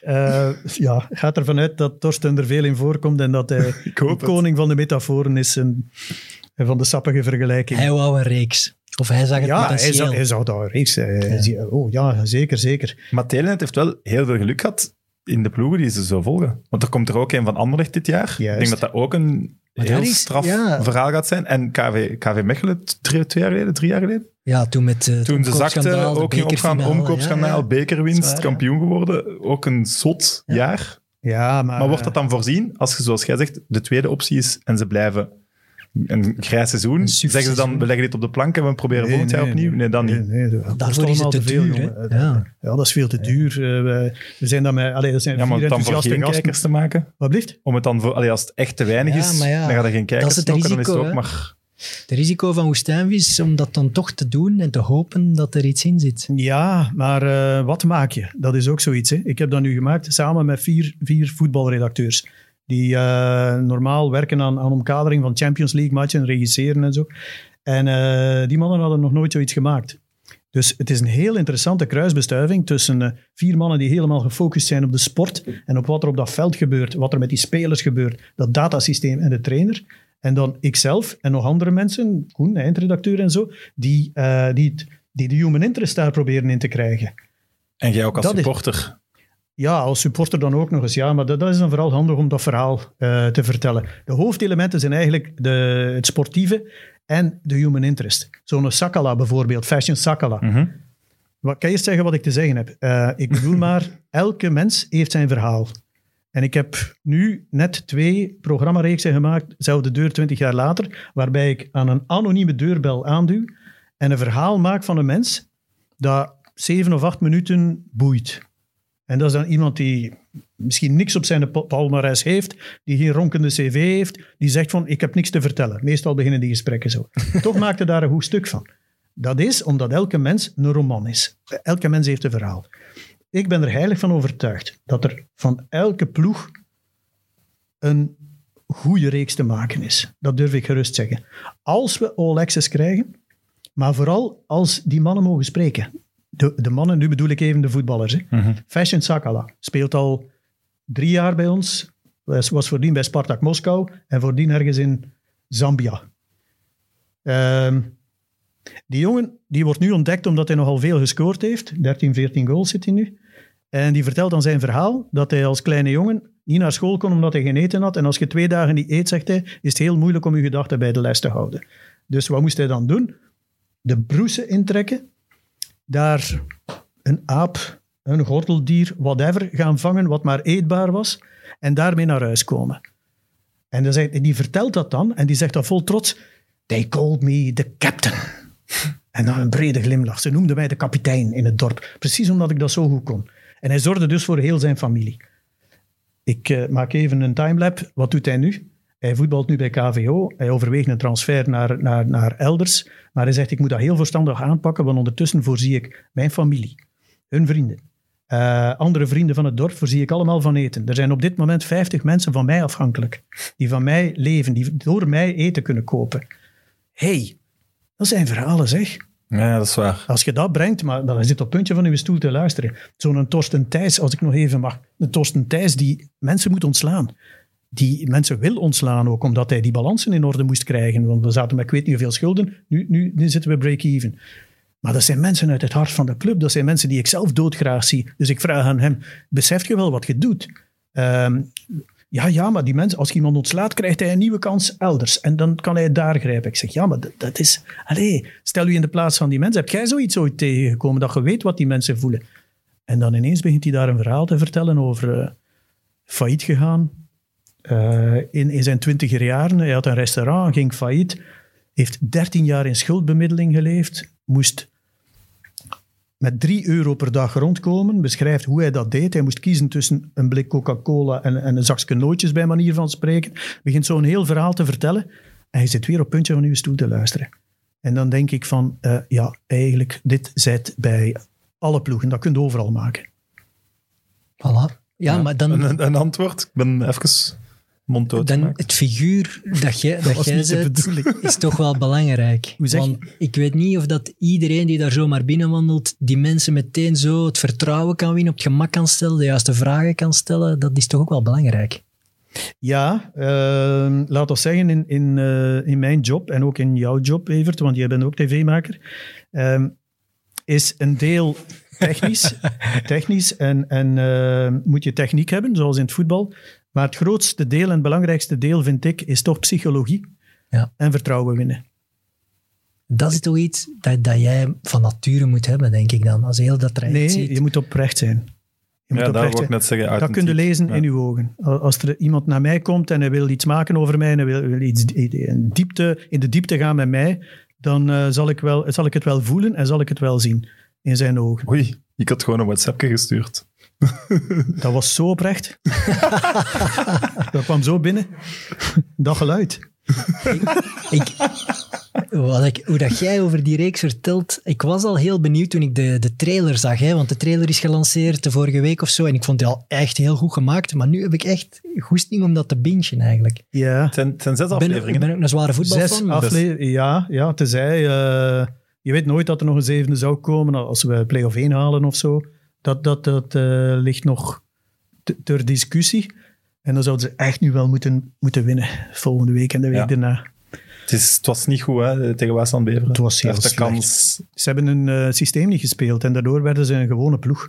En ze begonnen in de breedte te bouwen en zo. Normaal is, is, is eh, de regel, je moet binnen de acht seconden na balherovering aan het doel van de tegenstanders en op, en op goal schieten. Maar mag ik even advocaat van de duivel zijn? Alleen, Ja. Ik heb het gevoel dat ik het al heel de aflevering ben eigenlijk. Maar Nee, ik dat is uw ik rol, nog- Sam, dat is ja, uw voilà. Ik ga het nog eens zijn. Als we ernaar gaan kijken voor play-off 1, als je Anderlecht ziet spelen tegen. Antwerpen, dan liever Anderlecht erbij. Ja, maar je kijkt nu Om- naar die laatste ja, maar nee, omdat ik match. ga het ook uitleggen. Dat is vaak, en ik zeg dat met alle respect, maar als er de kleinere ploeg meedoet om het te halen, dat is vaak als ze het dan uiteindelijk gehaald hebben, dat ze in die play-off 1 niks meer zijn, omdat het is op waar dat ze voor gespeeld Ja, hebben. ja, ja. ja. En dat valt dan vaak wel tegen. Er zijn Ja. heel weinig kleine ploegen die echt goede play-offs gespeeld hebben. Play-off 1 dan. En, en is Anderlecht nu bekwaam om, om te blijven schitteren? De geschiedenis van dit seizoen zegt ons van niet, maar ik hoop toch van wel. Het is, ik vind het zeer gezond en goed voor onze competitie als het toch gebeurt. Dat, de- dat kleinere ploegen toch die stap kunnen maken om mee te doen bovenin. En dat hoeft niet elk jaar te zijn, maar dat mag een Maar we spreken nu ook zijn. over een play-off 1 van vier ploegen. Ja, ja, het is Als nog acht ploegen was, was ja. Oostende er altijd bij geweest. Dat is ook... Het is, Zes ploegen, hè? Ja, zes, ja, ze maken het een extreem gesloten wereld tot topploegen. En nu hebben ze zelfs zo weinig ploegen en gaan ze sommigen er nog niet bij zijn. Hè? Dus ik vind dat op zich wel heel goed. Je zou wel agent eh, vanuit de kelder moeten eh, opdiepen en een standaard. Het toont dat het Charleroi kan. tot voor een paar jaar, toch ook vaste play-off 1 kandidaat. Het toont dat als kleine ploegen een plan hebben en, en toch een goede zomer doormaken met de juiste spelers, de juiste mensen, dat het toch kan. En dat vind ik wel goed aan de competitie. Oké, dat zou erg zijn voor Anderlecht als ze er niet bij zijn. Hè? Want van mij mag iedereen play-off 1 spelen, maar toch, toch liever Nog een leuke competitie van. Evert. Iedereen, we beginnen met play-off Nee, 1. maar weet je, dat- speelt play-off 1. Eigenlijk zou je... Eigenlijk En jij bent gewoon een reguliere competitie. Ja, ik lees gewoon zo, geen play-offs, zo ja. tussen de lijnen. Eigenlijk wil Evert dat uh, Anderlecht uit play-off 1 valt, maar dat ze wel mogen meespelen. Dat Eerst keer goed uitlachen en, en dan mogen ze meedoen. Ik denk dat heel veel supporters in België dat, dat, dat wel zouden willen. Want, allee, dat is zo. Anderlecht laat niemand onberoerd. Hè. Voor Nee, de de- Oostende is er veel sympathie, maar, maar Anderlecht, ja, you love him or you hate him, zo De, simpel de is. kijkcijfers waren toch weer gekomen. Ja, En Anderlecht bleek één. meest bekeken ploeg. Ja. Terwijl veel voetbal is er dit jaar jammer genoeg niet, niet te zien Nee, maar het is wel fris wat Company doet. Ehm, en om Anderlecht te zien spelen, ik zie het wel graag. Ja, maar Ik zie nu, graag nu spelen, nee, tegen maar ik zie ze, Antwerpen. ik zie ze niet graag afwerken. dat, is, dat is het probleem. Dat is veranderd. Wat ik me- Dat doen we nu. Eh, Bij Oostende... ja, ook, ik had nog eens herhalen één wedstrijd. hè, Sam, wacht Ja, nog wel even. op de bosuil tegen Van het weekend Club Brugge. Hè. Het kan zo, als Oostende 6 op 6 haalt, wil ik het nog eens zien. Maar ja, dat wordt ook nog wel moeilijk. Maar wat ik wou zeggen is, voor Oostende is dat toch meer once in a lifetime. Het is niet gezegd Ja, dat jullie volgend tuurlijk. jaar op datzelfde Nee, dat niet- weer meedoen voor top ik 6. zei. Dus jullie moeten het pakken wanneer het komt. Je mocht nu niet zeggen, ah, als het vijfde is, is het ook goed. Nee, nu moet je vol voor die vierde plaats gaan, want je weet niet of het nog eens komt. Dat is zo. En ik heb er eh, zaterdag nog over gesproken met Paul Conway. Die, die eh, was overgekomen ook weer. En eh, die zei, ja, maar ja, je mag toch echt niet vergeten dat wij een budget hebben van 5 miljoen. 5. En eh Club Brugge 85. eh, Ja, 90 denk ik zelfs. Maar. ja, de andere ploeg 60, 70 miljoen. De, de top 6 of top 5. eh, Het zal iets van die orde grootte zijn, denk ik. En dan nog met een budget van 5 miljoen. Met onbekende spelers uit tweede en in derde klasse. In de zomer negen Dat kun spelers. je, je kunt daar iets mee bereiken als bij Mirakel dit jaar. En, en volgend jaar hopelijk hebben we weer zo'n jaar, maar het kan net zo goed fluctueren. Maar het geld dicteert de wet in het voetbal. Je kunt daar niet omheen. Dus je moet het nu pakken toch, hè? Tuurlijk. En dan moet je de kans kunnen krijgen. En, en voor mij, sorry, maar voor mij is, is eh, een van de grootste charmes van het voetbal toch dat David tegen Goliath kan winnen. Dat, dat is zit ingebakken in dat spel. Dat is, zoals Rick de Saarleer het zei, het is een van de weinige sporten waar de slechtste kan winnen. En als, als, als ze dat helemaal gaan isoleren en overstappen op Beneliga bijvoorbeeld, en alleen nog kleintjes tegen elkaar en dan grotere tegen elkaar, ja, dat zal commercieel wel dik in orde zijn, denk ik. En, en anders zouden ze het niet doen. Maar voor, voor de algemene voetbalbeleving in het land is een groot deel van de charme weg. Als je niet meer kunt groeien en je kunt niet meer tegen de grote spelen en je kunt, je kunt Maar- niet meer winnen tegen Brugge en Gent en Standaard. Wordt Gent, bijvoorbeeld, Gent, Genk, worden die niet dan vanzelf de kleinere ploegen in de Beneliga die dan eens ineens meedoen voor het titeljaar en het jaar nadien niet meer? Wel, stel u nu voor dat, eh, Maar als je die budgetten gaat vergelijken, dat we eerst moeten supporteren voor, voor eh, Zwolle Antwerpen en dan eh, voor Vitesse Gent. En dan blijkt nee. ook nog dat de Belgen alles verliezen. ik denk niet dat de, dat, die, dat de kleinere ploegen ook samengegooid gaan worden. Dat gewoon, Wordt dat geen tweede klasse dan? Dat we de tweede klasse zou dan echt met Belgische ploegen zijn. Ja, wel. Dat KV Mechelen en Zulte Waregem en Oostende Ja. voor de titel doen spelen. Maar ja, dan moet je kunnen doorgroeien. Hè. Dan, dan moet je ook bij de Dat grote waar, kunnen gesloten geraken. is niet ideaal. Zolang dat ze Dat mij waar. dat cremmetje niet afpakken. Eh, Verplaatsing in ja, dit is ook... ja, maar dat is het.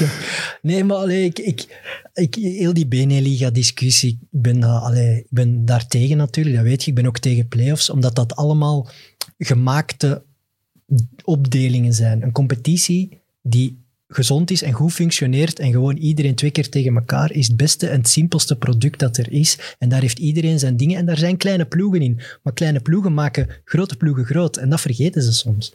Je hebt een Oostende en een Mechelen nodig om een Anderlecht te kunnen zijn. Dat moet je niet vergeten. Ja, ja. Heb jij nu net KV Mechelen zelf een kleine ploeg genoemd? Normaal als ik dat doe, is het oh, de geschiedenis. Kijk, en- we hebben wat mindere weken achter de rug, dus ik zettel mij daar nu voor. Maar volgend jaar, play-off 1. Oké, Martijn, wie, is, wie eh, is het, heeft de verdienste van het huidige succes van Oostende? Is dat toch de coach? Ehm, ja, er zijn... Je weet... De overwinning heeft vele vaders, de nederlaag is een wees. En hier is dat ook het geval. Ik wil Ehm, het even laten inzinken. Na Waasland, Bever en Oostende zag ik de coach tamelijk eenzaam zitten. En ik zag dat ook bij Torsten Thijs eenzaam. En Paul Conway was vroeg naar huis. En eh, ja, dan zakt de pudding wel wat in elkaar. Ehm, nu er gewonnen wordt, zijn er vele vaders. En terecht ook. Je hebt de groep die het overgenomen heeft, die heel rationeel de zaken benadert. En heel zakelijk. Ehm, die Conway beroemt er zich op dat hij geen enkele emotie heeft of toont. Die men- privé zal die mensen wel emoties hebben, maar geen enkele emotie mag meespelen in het beleid van de club. Torsten Thijs heeft dat heel strak gemaakt allemaal, maar dat draait daar nu wel. Op sportief gebied, die trainer heeft daar iets ingeslepen, heeft dat systeem daarin geslepen op zeer korte tijd. Met spelers, dan uiteraard zijn het de spelers. Ik heb het al gezegd, iedereen is afhankelijk van die spelers. Maar als die allemaal goesting hebben en ze zitten nog met niet te veel transferbeslommeringen in hun hoofd of met persoonlijke ambities en ze spelen voor elkaar, ze, ze, ze, ze leggen er zich voor, eh, voor, hun, voor hun maat. Zolang dat dat is, ja, dan, dan, eh, dan is de optelsom van die dingen. Hè. Ja, dat geloof ik. Ja. Ik vind dat een mooi antwoord eigenlijk. Ja, maar er zijn, er zijn wel, zoals elke ploeg, er zijn wel sleutelspelers die dit succes mee hebben mogelijk gemaakt. Het theater is een openbaring, dat is een, een Dat, dat niemand dat eerder gezien heeft. toevalstreffer. Die is Ja, komen testen in de zomer, krijgt een contract en die, dat wordt nu genoemd Bundesliga. Wat is het allemaal? Maar waar heeft hij daarvoor gezet? Standaard? Genk weggestuurd. Genk en Standaard, ja. En daar, daar ziet dan niemand dat, of zelfs niet de optie geven om die eens uit te lenen aan een KV Oostende. Nee, Ja. je krijgt daar gewoon geen kans. En dan ook, ja, Sakala toch ook. Die, die werd uitgespeeld als flankspeler. Dat was een goeie. Je zag dat, die had iets, maar dat rendement lag laag. En plots komt hij in dat twee-spitsen systeem meer met die GJ. Hop, en die zijn cijfers die exploderen. ja Dus dat zijn toch, ja, dat zijn toch wel vondsten van die blessing, denk ik dan. Door dat systeem ook. Hè. Die mannen renderen ook in dat systeem. Hè. Want vorige trainers eh, vonden Sakala eigenlijk niet zo geweldig, herinner ik mij. Ja, en waren nu kun je niet zeggen dat die gast niet geweldig Nee. speelt. Want, Nee, want- met hem erbij scheelt dat wel veel. Bij Oostende heb je wel eigenlijk altijd namen gehad als coach. Je had Gert Verrijen, waar iedereen van dacht, ja, dit wordt het. Iedereen zag daarin Hele slimme de, gast. de Ja. nieuwe grote Belgische trainer. Is bij Oostende mislukt. Dan Ingebrigtsen had in Noorwegen veel in het begin was dat ook eh, woest, winnen. Dus, ja, qua coaching zat het precies toch altijd goed, maar het is toch Blessing die dan toch ergens de juiste mayonaise heeft gemaakt. Ja, ja, maar mag ik zeggen dat Yves van der Hagen ook wel eh, een goede coach was? zeker. Ja, Dat die- die- daar hebben we toch ook... eh, Ja, dat was dan een tijdperk van Koeken, maar daar hebben we dan ook... eh, ik vergeet hem nu zelfs. twee keer play-off 1 meegehaald, Europees meegespeeld.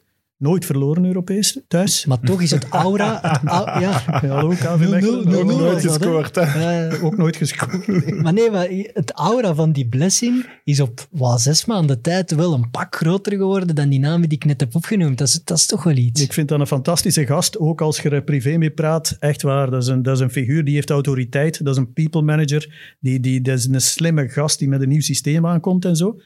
Maar op dit moment is hij de Messias. En dat kan net zo goed binnen vier wedstrijden helemaal gedaan zijn. Dat is het voetbal. Dat is iets wat mij nog meest van al verbaasd heeft. De passages van al die mensen die we nu aan het opnoemen zijn. Hoe vergankelijk alles is. Och, die van der Hagen, dat was echt een fantastische coach. Magnifiek wat die allemaal deed. En ineens komt er een soort van weerstand binnen die groep. Eh, er beginnen zich klikjes te vormen. Er zijn ineens een aantal spelers die net een voetje tekort komen. Of die zo niet de juiste pas geven. Of, of die zich toch niet, willen, die toch niet terug willen om een beetje mee te helpen in de verdediging. En dat, je ziet het bijna niet, maar je voelt het wel heel sterk. En ineens beginnen te verliezen. Je wint niet meer. En dan moet de coach, ja, de coach moet weg. Het is de coach schuld. Dat is belachelijk.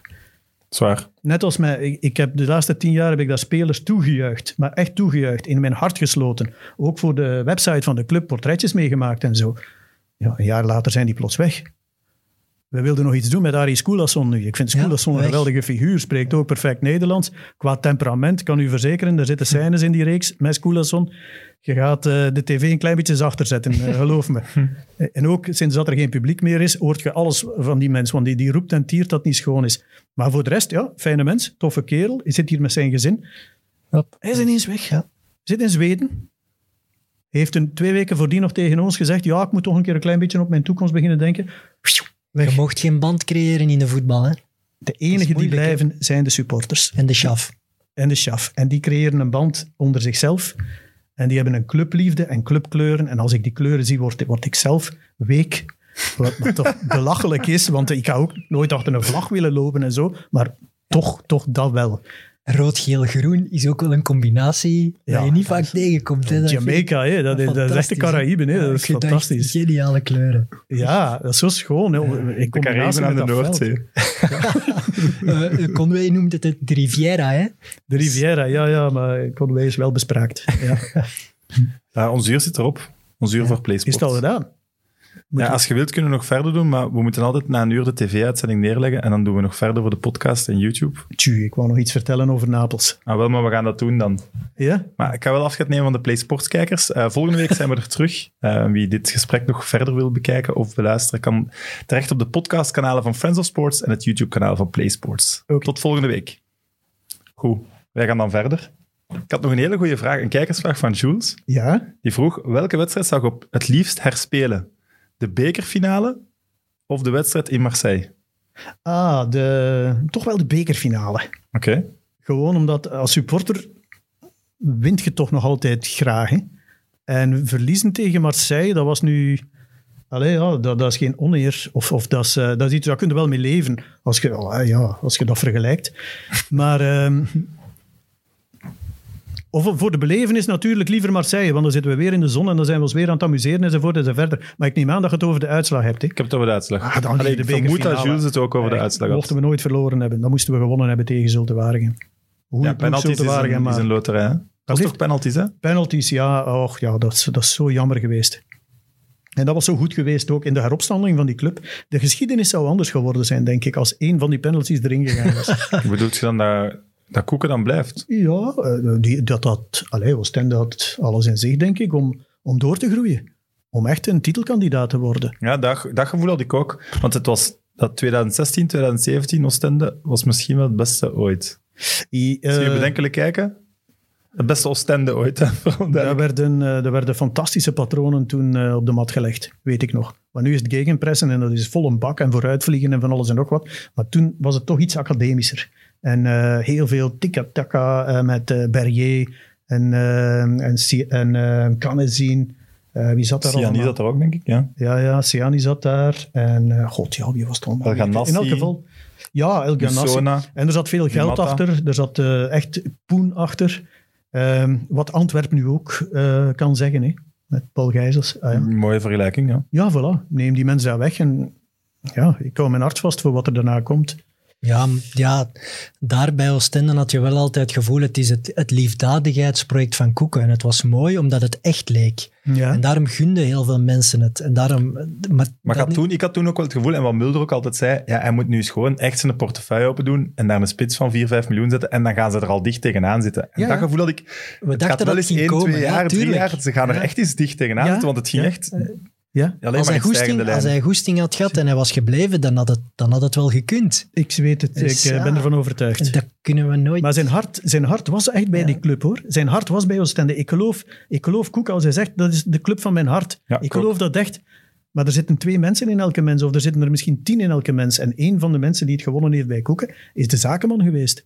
En Ja. gezegd heeft van, ja, ja, allemaal goed en wel, maar ik kan hier nu wel Anderlecht kopen, zeg. Allee, stel u maar even voor. Ik denk dat er toch- wel weinig in zijn situatie niet die keuze zouden nemen. Dus zijn zakelijk instinct heeft, zijn, heeft hemzelf verleid om dat te doen. Het is al zo dikwijls de keuze van ofwel het hart ofwel het hoofd. Ja.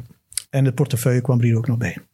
Ja. Maar ik denk het ondernemershart Ja. is ook een hart. hè. Dat is ook Dus, een hart. voilà. Ja, ja, dat is ook een passie. En het gevoel van, ik heb hier wel echt iets serieus neergezet al. Ja, Dat zal ook wel meespelen. Ik zit hier misschien aan mijn plafond. Het is allemaal heel goed gegaan, heel vlot gegaan eigenlijk. ja, zal ik eens laten ja. zien hoe je van Anderlecht nu wel Ja, ja, ja. boven het plafond uit... de Europese glorie Ja, kunt teruggeven en zo. Ja, dat, ik denk dat we er dichtbij zitten. En ik denk ook dat hij niet te beroerd is om, om dat eh, toe te geven ook. Maar voor Oostende is dat toch een serieuze knak geweest. Hè? Oh ja, voor de supporters was dat verschrikkelijk. Ehm, en ook ehm, ja, heel snel zat hij met een mauve witte sjaal aan en zo. En dat, allee, zoals we Ja, net zeggen, dingen die, anders kunnen aanpakken die misschien. kleurenliefde, dat, dat, dat is, eh, daar moeten we mee opletten. Dat heb ik toen gemerkt ook. Trapt wel op de mensen hun hart. Maar dat is het verschil nu wel. Allee, financieel gezien spreken we over twee verschillende tijdperken. Hè? Ja, Qua lonen, qua spelers, qua ja, infrastructuurwerken die er gebeurd zijn. Dat is nu niet. Hè? Nu is het even terug, nee, back ik to denk dat basics. budget, budget toen bij de 20 miljoen Ja, zat. dat is waanzin. Hè? Uh-huh.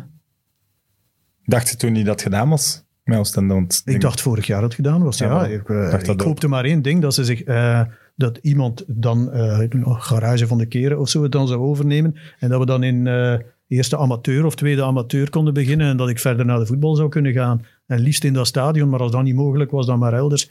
Als, we, als je maar, mee, maar weer dat gevoel hebt. Ja, dat geloof ik wel. Maar dan, sorry, maar dan, dan was de fallout voor Koeken toch groter geweest. Hè? Als die club was verdwenen dan op het professionele niveau, Ja, dan had toch wel veel harder binnengekomen. Dan, hadden, allee, dan vind ik ook dat de voetballerij moet zeggen, ja, je hebt dat nu zo opgeklopt, dan moet je ook wel zien dat het kan gered worden ook. Ja, maar jij, jij zegt dat altijd zo'n dingen, maar Ja. de voetballerij is geen ene persoon met één mening die even iets zegt. Hè. Nee, maar dan moeten wij allemaal als voetbalfans dat samen ook wel eens zeggen aan die bestuurders, je moet daar toch mee oppassen. Je moet zien dat die club leefbaar is, ook al ga je weg of ben je weg. Of, Maar wat, wat ga je doen als, als, eh, als er een persoonlijk drama gebeurt in, in het leven van Paul Gijs? Ja, ik heb hem ja, nu net weet genoemd als voorbeeld. En die mens zegt, ja, sorry mannen, ik moet hiermee stoppen. Ja. Of, of, eh, of Ivan de Witte zegt, oké, ik ben in de problemen, 70, het wordt nu wel eens tijd zeker. Eh, Tuurlijk. ik heb iemand gevonden die het gaat overnemen. En dan de sympathieke Amerikaan van eh, de maatschappij PMG, en die gaat Oostende verkopen en die gaat de agent overnemen. Sta weerloos, je kunt er niks, niks aan doen. Maar zonder Koeken waren de, mooi, de mooiste Nee, jaren ja. van Oostende er ook niet geweest. Nee, tuurlijk Dus niet. is- Daarom ook. Ik kan, ik, ik, ik kan er niet zwart-wit over zijn. Ik zeg altijd, ah, dank u wel Mark, Eh, heel blij. Eh, ik heb mij geweldig geamuseerd. Het was heel veel entertainment. We zijn allemaal vier geweest in die jaren. En eh, jammer dat het zo moest lopen, maar ja, dat is ja. Zeg je soms bang voor de, de authenticiteit van KV Oostende? authenticiteit. Authenticiteit, sorry. Omdat er nu buiten, het eigenlijk in handen is van buitenlanders Tuurlijk. die daar misschien minder gevoel mee hebben. Eh, laat het woord misschien maar weg. Ze hebben daar minder gevoel mee. Ik weet ook niet als ik een bedrijf zou overnemen in, in Hawaii, of ik mij onmiddellijk grote zorgen zou beginnen maken over wat de Hawaiianen vinden van mijn eh, toch wel zeer doordachte zakelijke eh, maatregelen om die balans vanuit een diepe put weer gezond te maken. Als dan zo'n Hawaiian naar mij komt en hij zegt, luister een keer hier vriend, ik vind wel dat jij eh, het niet doet zoals ik het wil. Dan zou ik zeggen, oké jongen, maar wilt je dat ik wegga? Zwaar. Maar we zitten hier met iemand die zeer harde voorstander is van eh, supportersparticipatie. ja, omdat toch terecht, ergens een... terecht. een- Terecht. Ja, tuurlijk terecht. ja, Dan heb je tenminste een soort van morele autoriteit, autoriteitje, dat, eh, dat toch minstens waakt over clubkleuren, over locatie, over eh, dingen die essentieel zijn voor een supporter. Wat, wat, wat nu, nu niet meer in de hand hebt. Hè? Allee, als, als iemand die overneemt, zoals Oostende overgenomen is, als die beslist morgen, zoals wie was die Thai in Engeland die daar uh, beslist om de clubkleuren van Ja. Cardiff eh, te veranderen. Eh, als die beslist, ja, vanaf morgen is het blauw en wit, of paars en wit, ja, dan staat het Dat daar. alsof dat lelijk is. De- de- de- Hey, de Jamaicaanse kleuren gaat het toch niet afpakken? Nee, nee, dat snap ik. Nee, maar maar- ik, ik vind dat wel altijd, want Evert zegt het dan altijd. Ja, als je de clubkleuren verandert en de supporters komen op straat. Allee, de club is toch echt afhankelijk sowieso al van de fans. in de jaren 50. Allee, laat ons wel wezen. Dus Er nu, is omdat nu- de er zijn vier er zijn... inkomsten. Er zijn vier inkomsten voor een club. Ja. Meen, ik, meen ik te weten. Dat zijn de transfers. Uh-huh. Dat is de ticketing. Dus daar heb je het eh, van je supporters. Dan heb je de uitzendrechten die al maar belangrijker en belangrijker worden. En dan nog iets dat me nu ontschiet. Maar in elk geval... Hospitality of zo, business. Ja, hospitality en business en zo. Maar in elk geval, de, de, de supporters, hun aandeel is daar kleiner in geworden de laatste jaren. Ik denk dat ze bij Oostende nu 3 miljoen verlies hebben, zeker in dat coronajaar. Dus ik weet niet of we dat zo simpel mogen uitdrukken hoor. Maar misschien hebben ze wel een extra miljoen of 2 miljoen tv-rechten verdiend door hoog te eindigen. Want de Pacific Media Group, de nieuwe eigenaars, die gaan wel strategisch te werk. Die hebben niet zomaar Oostende gekozen. Daar zit wel een heel gedachtegang aan vooraf. Die gaan bij heel wat clubs in Europa kijken en dan beslissen die. En onder andere in Amerika is er twee, drie jaar geleden een studie rondgegaan over de Europese voetbalmarkt. En daaruit kwam dat de Belgische voetbalmarkt economisch onderontwikkeld was. En daar stonden clubs in als Oostende, als Mechelen, eh, als Beveren. En daarom zijn toch heel wat investeerders daarnaar beginnen kijken. Zij vinden dat de tv-rechten te laag zijn, de ticketinkomsten zijn laag in België, de transfermarkt is eigenlijk nog onderontwikkeld ten opzichte van Europa. We zijn nummer één van de wereld met de Rode Duivels. En dat kwam uit dat rapport. En dan zijn die naar een Belgische club komen kijken en zo zijn ze bij Oostende terechtgekomen. Dus dat is wel heel beredeneerd. TV-rechten zijn gigantisch. Ja, ze, dat is toch... in Dan kun je daar puur als abonnementverkoop voor alleen die tv-rechten haalt je dat er al niet uit. Dat Ja. is al een surplus dat je toevoegt aan ook vinden, internet en ook dat. En anders Wij vinden dat ook. Ik zeg ook, een abonnement is toch al vrij duur. Maar blijkbaar in de grote sporteconomie, hè, ze kijken naar NBA, American football, daar is het allemaal veel hoger. Zij denken, daar zit nog groei in in België. Wij zijn wat onderontwikkeld. En die Amerikanen zien daar een buitenkans in, net als veel andere buitenlanders. Maar wat ik wel bizar vond aan Conway... Allee, bizar. In ik een heb het wel interview... bizar gezegd nu. dus In een interview voor het... Nee, nee, het is niet bizar. In een interview voor het seizoen zei hij... Over vijf, zes jaar is er geen enkele Belgische ploeg nog in Belgische handen. Dus hij zei, wen er maar aan. Het zal zo zijn. Ja. De- ja, dat is En daar ligt jij s'nachts wakker van, dan, u kennende. Nee, maar de Belgische... de Belgische de, Roland Duchatelet was denk ik de enige Belg die in de voetballerij een soort van conglomeraat wou creëren. Juist. Hè, die is daaruit gestapt. Er zijn geen andere Belgen meer die dat, die dat in vo- voetbal een business zien. Dus ja, dan... Er, er zijn... ah, Ja, wie nog? Ja, Verhagen, Koeken. Ja, maar dat zijn individuen. Ik bedoel echt zo de... de Ja, Duchatelet toch ook. Ja, die is eruit, hè. Ja, Ver- Verhagen, dat, die heeft naar Roda JC gekeken bijvoorbeeld, hè, om over te nemen, x aantal jaar geleden. Dus die wou ook wel beginnen, maar die is dat daar toch terug van afgestapt. Maar alle andere kleinere clubs, ja, die gaan in zo'n groot investeringsconglomeraat terechtkomen. We moeten, we moeten zien dat we daar de goede kanten in bewaken. Denk ik wel. En dan moeten we eigenlijk met de Pro League, zoals in Bundesliga, het verplichten dat er supportersparticipatie is. Ik zou die Want anders, op een dat andere manier. Ja. gaat dat niet, denk ik. Nee, individueel de Pro gaat daarvoor open staat, ja. Je kan ook niet met Ja, de fans van Oostende 10 miljoen euro op tafel leggen om, om 20% van die club te kopen. Dat kan niet, dat is onmogelijk. Supporters hebben een andere meerwaarde. En die moeten ook een stem hebben binnen die club, verankerd. Dat vind ik. wat is het percentage bij KV Mechelen? Ja, nu zitten we toch al richting de 12,5%. Oh, dat was in het begin 7%, denk ik. Ja, hè? we Dat hebben is gegroeid. 5% bijgekocht. Oké. Ja, dat heeft wel 250.000 euro gekost, maar supporters moeten bijeenhalen. En dat is met, met die boekjes. Met, met- Met van alles en nog wat, hè. Ja, dat gaat dus... Maar dan heb je wel een zitje in de raad van bestuur en dan Ja. kan je wel bij bepaalde beslissingen toch je hand opsteken en zeggen, jongens, dat zou ik niet doen. Maar ja, er, gebe- allee, er gebeuren nog altijd heel bizarre beslissingen bij KV Mechelen de laatste jaren. Ja. Als ik u dan vraag, dan zegt je altijd, daar hebben wij niks aan te zeggen. En als, als ik u bel en je kunt niet opnemen omdat je in een meeting zit, is het wel om het, het tweede keeperstenuutje te bepalen. Met alle respect, maar dan Dat denk ik ook, het. ja, zoveel heb je niet te zeggen dan. Nee, nee, je bent, je bent niet de eigenaar. De, of je bent niet eh, degene met de meerderheid die alles beslist. En dat, is, dat wil ik ook niet als fan. Je moet, de goede je moet een investeerder hebben die ook snapt dat die fans belangrijk zijn. En als je dat hebt, Ja. zit je goed, denk ik. Ik denk dat, allee, dat ze dat bij ons wel snappen, zijn, die investeerders. Dat, eh, maar zoals gezegd, als je van het verre buitenland daar plots staat. eh, allee, er is een verschil tussen Engelse supporters, eh, Belgische supporters, Duitsers. Er zitten al cultuurverschillen op.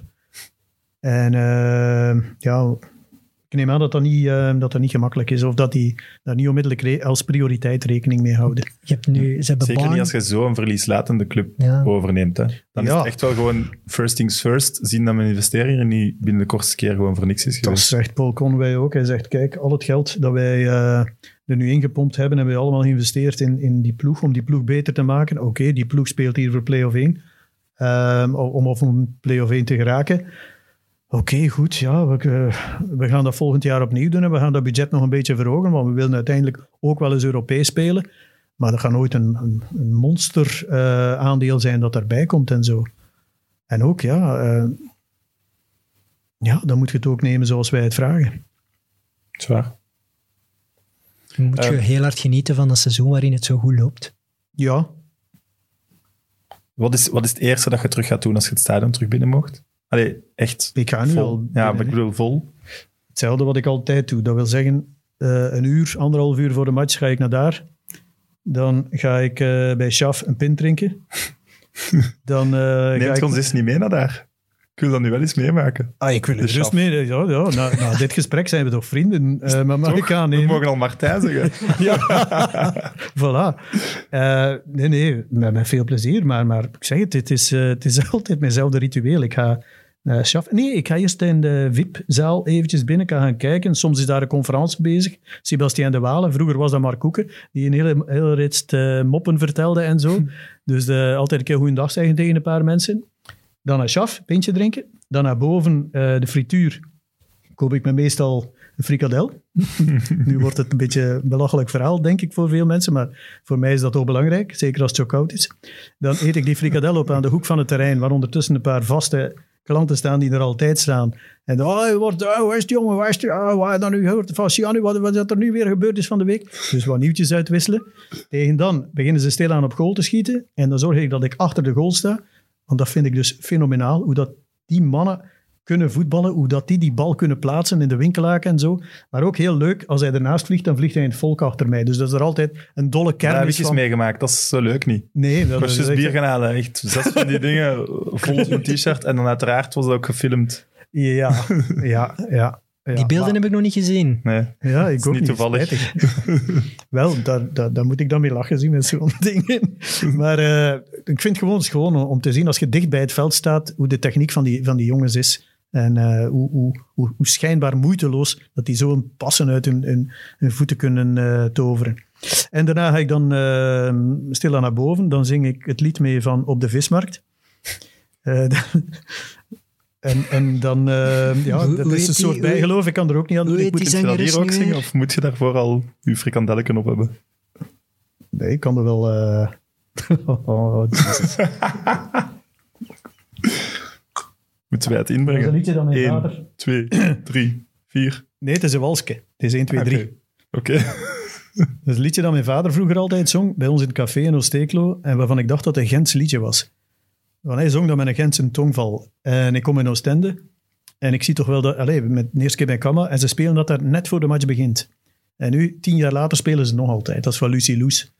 Ja, allee. Allee, god, ja, waarom niet? We leven maar in een keer. Kom op. Op de vismarkt zijn ik geboren, op de vismarkt zijn ik gekend. Zonder vis dan loop ik verloren, maar met vis ben ik content. Ik lees er nooit geen boeken of gazetten, politiek dat lap ik in de hoek. En ze magen de wereld verzetten, ik val alles vierkantig mijn broek. Maar als de vis te dieren is, leur ik met buts of oring. En dan begint het. Een plote of een kabeljauw, dat is mijn leven. Nog nooit van sedert ik ben getrouwd, loop ik buiten de schreven. Ik leure mee mijn karretje langs de straten. En klinkt toch zo schoon uit mijn mond, vers. Dat is het. Het is een beetje een radioshow nu. We waren er even uit voor een liedje. Ja, terug. kijk, gevraagd het en het is, het is geen grootspraak. In het begin was ik nog helemaal mee met de tekst, maar het werd wat moeilijker. Is het echt? Ja. Allee, jong, ja. Ja, dat, dat gaat Ik was mee met een- melodie. Een visverkoopster gaat dat, hè. Het viswuf, zoals ze zeggen in Oostende, dat leurt met haar karken, hè. De vismijn. Ja, ja, dat is eh, cultureel erfgoed. Ik, maak nu ook, ik werk nu ook mee aan een tentoonstelling over IJslandvissers en zo. Dus ik probeer... Het is ook voor de visserij dat ik in Oostende gaan, eh, gaan wonen ben en voor die geschiedenis. Dus ik probeer daar af en toe een keer iets voor te doen. Visserij op, op zee. Ja, Ja. Nee, nee, maar ja, je op kunt... land. IJsland. Op, op, op zo'n barenbreker zie je ook zo'n mannen vissen hè, met zo'n lange leesbroeken Ja, ja dat, die, dat deed ik vroeger. die smijten dan een engel daarin. Ja, ja, dat deed dacht ik vroeger, altijd, vangen die netten en zo. Nee, nee, nee. nee. Dus eh, dat gaat over de IJslandvisserij die tot 1995 heeft geduurd en waarbij de vissers vier dagen en nachten naar IJsland vaarden. Ah, ja, ja, voorbij dat de wel- Faroe-eilanden, waar de twee zeeën tegen elkaar botsen. Door de stormen, door alles heen. En dan in IJsland dan nog een keer een paar weken visten en dan met volle boot met vis terug naar huis kwamen. Maar ook ja, soms achterbleven op zee en, en eh, drama's tot en met. Dat is een fantastische geschiedenis. Dus eh ja, gaat nu tentoonstelling komen, 27 juni. In Jij gaat zelf ook op die boten. Nee, ik ben wel vaak eens meegevaren met garnaalboten en zo. Maar, en, eh, en zo op andere boten, mailboten. Ik, ik zit altijd wel graag op een boot. Maar dat is, eh, daarvoor ben ik niet hard genoeg om dat leven te leiden. Ik word altijd zo zeeziek. Ah, Ja, ah, wel, Dat ja. is zo nee, ja, ik soms. weet het, ik weet het. Ik weet het. Ik, ik was aan het twijfelen, moet ik dat nu bekennen of niet? Maar Dat niet. Dat was niet ik, nodig. ik heb een paar keer in mijn leven op een boot goed. gezeten en ik herinner me elk moment nog. Dus, je moet daar aan wennen, aan een boot. ik Ja, maar niet. je kunt daar niks aan doen. Hè. Ik heb Nee. gesproken met vissers nu, die, die in de tachtig al zijn. En die zeiden, ja, ik ben jaren zeeziek geweest. Oh, dat- Elke dag opnieuw. Jaren. Dat wilde toch Verschrikkelijk, hè? niet? Dat is sterven, Ja, sowieso. Zeeziek zijn. Je bent wel nog ik, een, een bezige bij, hè? Wat blieft? Je bent wel nog een bezige bij. Ja, ja, ja. ja, ja. Je bent niet meer van de jongste. Nee, nee. Maar ik ben, eh, toch nog een vat vol 65 energie. ben ik. Wat blieft? Toch nog een vat vol energie. Ja, ehm, ik heb geleerd, als je dingen met je goesting doet, Dan dan, geeft het eh, doe je goesting. Die moeten we ook weer laten inzinken. En kun je Als lang je mee dingen met je goesting doet, doe het met goesting. Ja, als je moet werken, werken kijkt uit tot wanneer het werk gedaan is. Als je het met je goesting doet, dan, dan, dan moeten ze je daarvan wegtrekken. De goesting stopt nooit, hè. Nee, de goesting stopt nooit. En nu met die voetbal, dat is zo'n nieuw luik. Dat is, echt keer iets nieuws. Ik loop er al, al een aantal jaren nu dat ik zo af en toe eens ga kijken naar, naar Agento en veel in Oostende. En, en ik laat me dan accrediteren ook. Ik ben ook sportjournalist geweest vroeger. En eh, ik, ik zit altijd met te denken, god, dit is, dit is zo'n boeiende wereld, daar moet toch iets mee te doen zijn. En nu ik dat gemaakt heb van Oostende, ik meen dat. Ik, ik, ik denk van, eh, ja, er zit nog veel meer in. Er zit nog veel meer in, Nou ja. ondanks dat er al heel veel over voetbalploegen en spelers wel. gemaakt wordt. Hè? Maar, maar ja, maar er is al zoveel over het leven gemaakt. En er komen allemaal nieuwe programma's. Het gaat erover over dingen herdenken, of, of, of nieuwe formats vinden, of, eh, of kruisbestuivingen. Zoals nu. Zoals hier misschien. Ja, Zoals ik wil met Martijn eens een format bedenken. Met drie. Zo, Nee, oh ja. Met, met, met. Nee, maar Ja, dat is goed. Ja, maar ook, je hebt een programma gemaakt en twintig jaar later maakt hetzelfde, noemt je het gewoon twintig jaar later. Ik vind dat, dat is, dat is zo die andere invalshoek en hop, je bent weer is vertrokken. eh, mijn meest geniale idee ooit. Ik duw op een bel, de deur gaat open en ik kan naar binnen. Dat is het. dat is de format. Maar u, u, allee, ik was dan wel gaan graven in uw levenswandel, ook op 16 jaar gewoon gestopt met school. Ja, ja, dat- en dan, allee, dan zo'n heel traject bewandelen, dat is toch wel een bizar leven op zich. Daar kan ook al een documentaire over gemaakt worden. Hè? Eh, ja, over elke mens. Hè. Ik heb Ja? het gezegd. Hè. Ja, ja, ik meen dat. Over elke mens zelfs. Maar toen dat je op je 16 zei, ik stop met school, had je niet verwacht dat je hier nu ging zitten als wat dat je allemaal gedaan Nee, maar alles is wel cadeau geworden na, na acht jaar fabriek.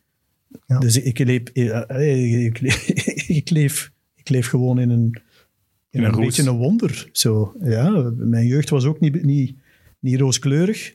En dan eh, ben ik goed getrouwd. Namelijk met iemand die ik heel graag zie. Eh, Ze, zij- tot, ze gaat tot nu niet geluisterd hebben, ze dus. Ja, nu, nu, nu gaat ze recht zitten. Ze. Maar eh, binnen drie weken zijn we 40 jaar getrouwd. Binnen twee weken zijn we 40 jaar getrouwd. Wat is dat? Is dat al iets? Ja, 25 40 is al veel. Kartonnen huwelijk. Dat is echt al, eh, dat is al een keer iets. Is dat dan zilver? Oh, dat weet ik niet. Nee. Nee, dat weet ik zo niet. Dat vind ik ook raar, dat, dat wij zo... eh, als we 50 jaar getrouwd zijn, een gouden jubileum en zo. Voor mij zijn dat stokoude mensen. En eh, ik vind dat, is waar. schattig en zo. moet dan Maar, een feest geven, nog warm. ja, Je wordt uitgenodigd op stadhuis en zo. ja, en vroeger kwam de burgemeester naar u en die gaf u zo'n medaille, zeg, Ja, of een iets. plakkaat of zo. Ja, wauw, kijk, voilà. Laat hem maar komen, binnen tien jaar. Maar uw vrouw heeft u gepusht om van alles en nog wat te gaan toch exploreren. Vertrouwen, eh, vertrouwen gegeven. Ah, ja. Vertrouwen, ja, ja, ja. Ja, dat vroegen we ons ook af. Allee, je werd lang de bekendste aan de deurbeller van Vlaanderen. Misschien dat nu Luc van de ideale wereld in de buurt komt, qua bekendheid. Luc van de ideale wereld. Ja, je bent toch Luc? Ja, En Arnoud Houben had ik ook gezegd. Ah, ja, die, ja, die gaat ook wel wat die tour Maar- op, van die wandeltochten. maar dat is het, de toevallige ontmoeting, eh, Ja. wat eigenlijk hetzelfde is. Hè? dat is zonder bellen. En dat zijn, dat zijn, eh, dat zijn ideeën die uit dat basisideetje voortgekomen zijn. Maar daar heb ik verder geen enkele credits eh, voor, hoor. Want Maar jij bent wel de peetvader van dat genre, toch? De peetvader van Nee, het ik weet het genre. niet. De oervader, je Jambers dat? misschien oneer aan. Ja, ja, het is... Het is Nee, Jambers was geresearched. Ja, Oké, dat is ook waar. Ja, maar ik ken ze namelijk, zijn researchers. maar klopt Eh, mijn, het? mijn mama Ah, echt? was de eerste werknemer van Jambers. Ja, Ja. kijk. Eerste vriendin? Nee. Nee, allee, dat is niet zo fair. Altijd mijn moeder ook. Hè. Maar dus mijn vraag was eigenlijk, bij welke voet- voetballer, en dat mag internationaal zijn, zou je graag eens gewoon spontaan aan de deur aanbellen? Ja, ik heb er ook... eh, Want zouden we dat niet kunnen maken dan gewoon... We weten toch ongeveer waar die allemaal wonen. Gewoon daar aanbellen. oh, doe maar Dries Mertens dan. Die weet ik ook gewoon, ja. Ja, wel, ja, doe maar Dries Mertens. Ja, want ik zou ook kunnen zeggen... eh Dat je toevallig- Mo Salah, en dat Ja. met een Arabische tolk is, want ik wil die een gast zijn verhaal echt wel een keer eh, door hem horen vertellen in het Arabisch, eh, in zijn eigen moedertaal.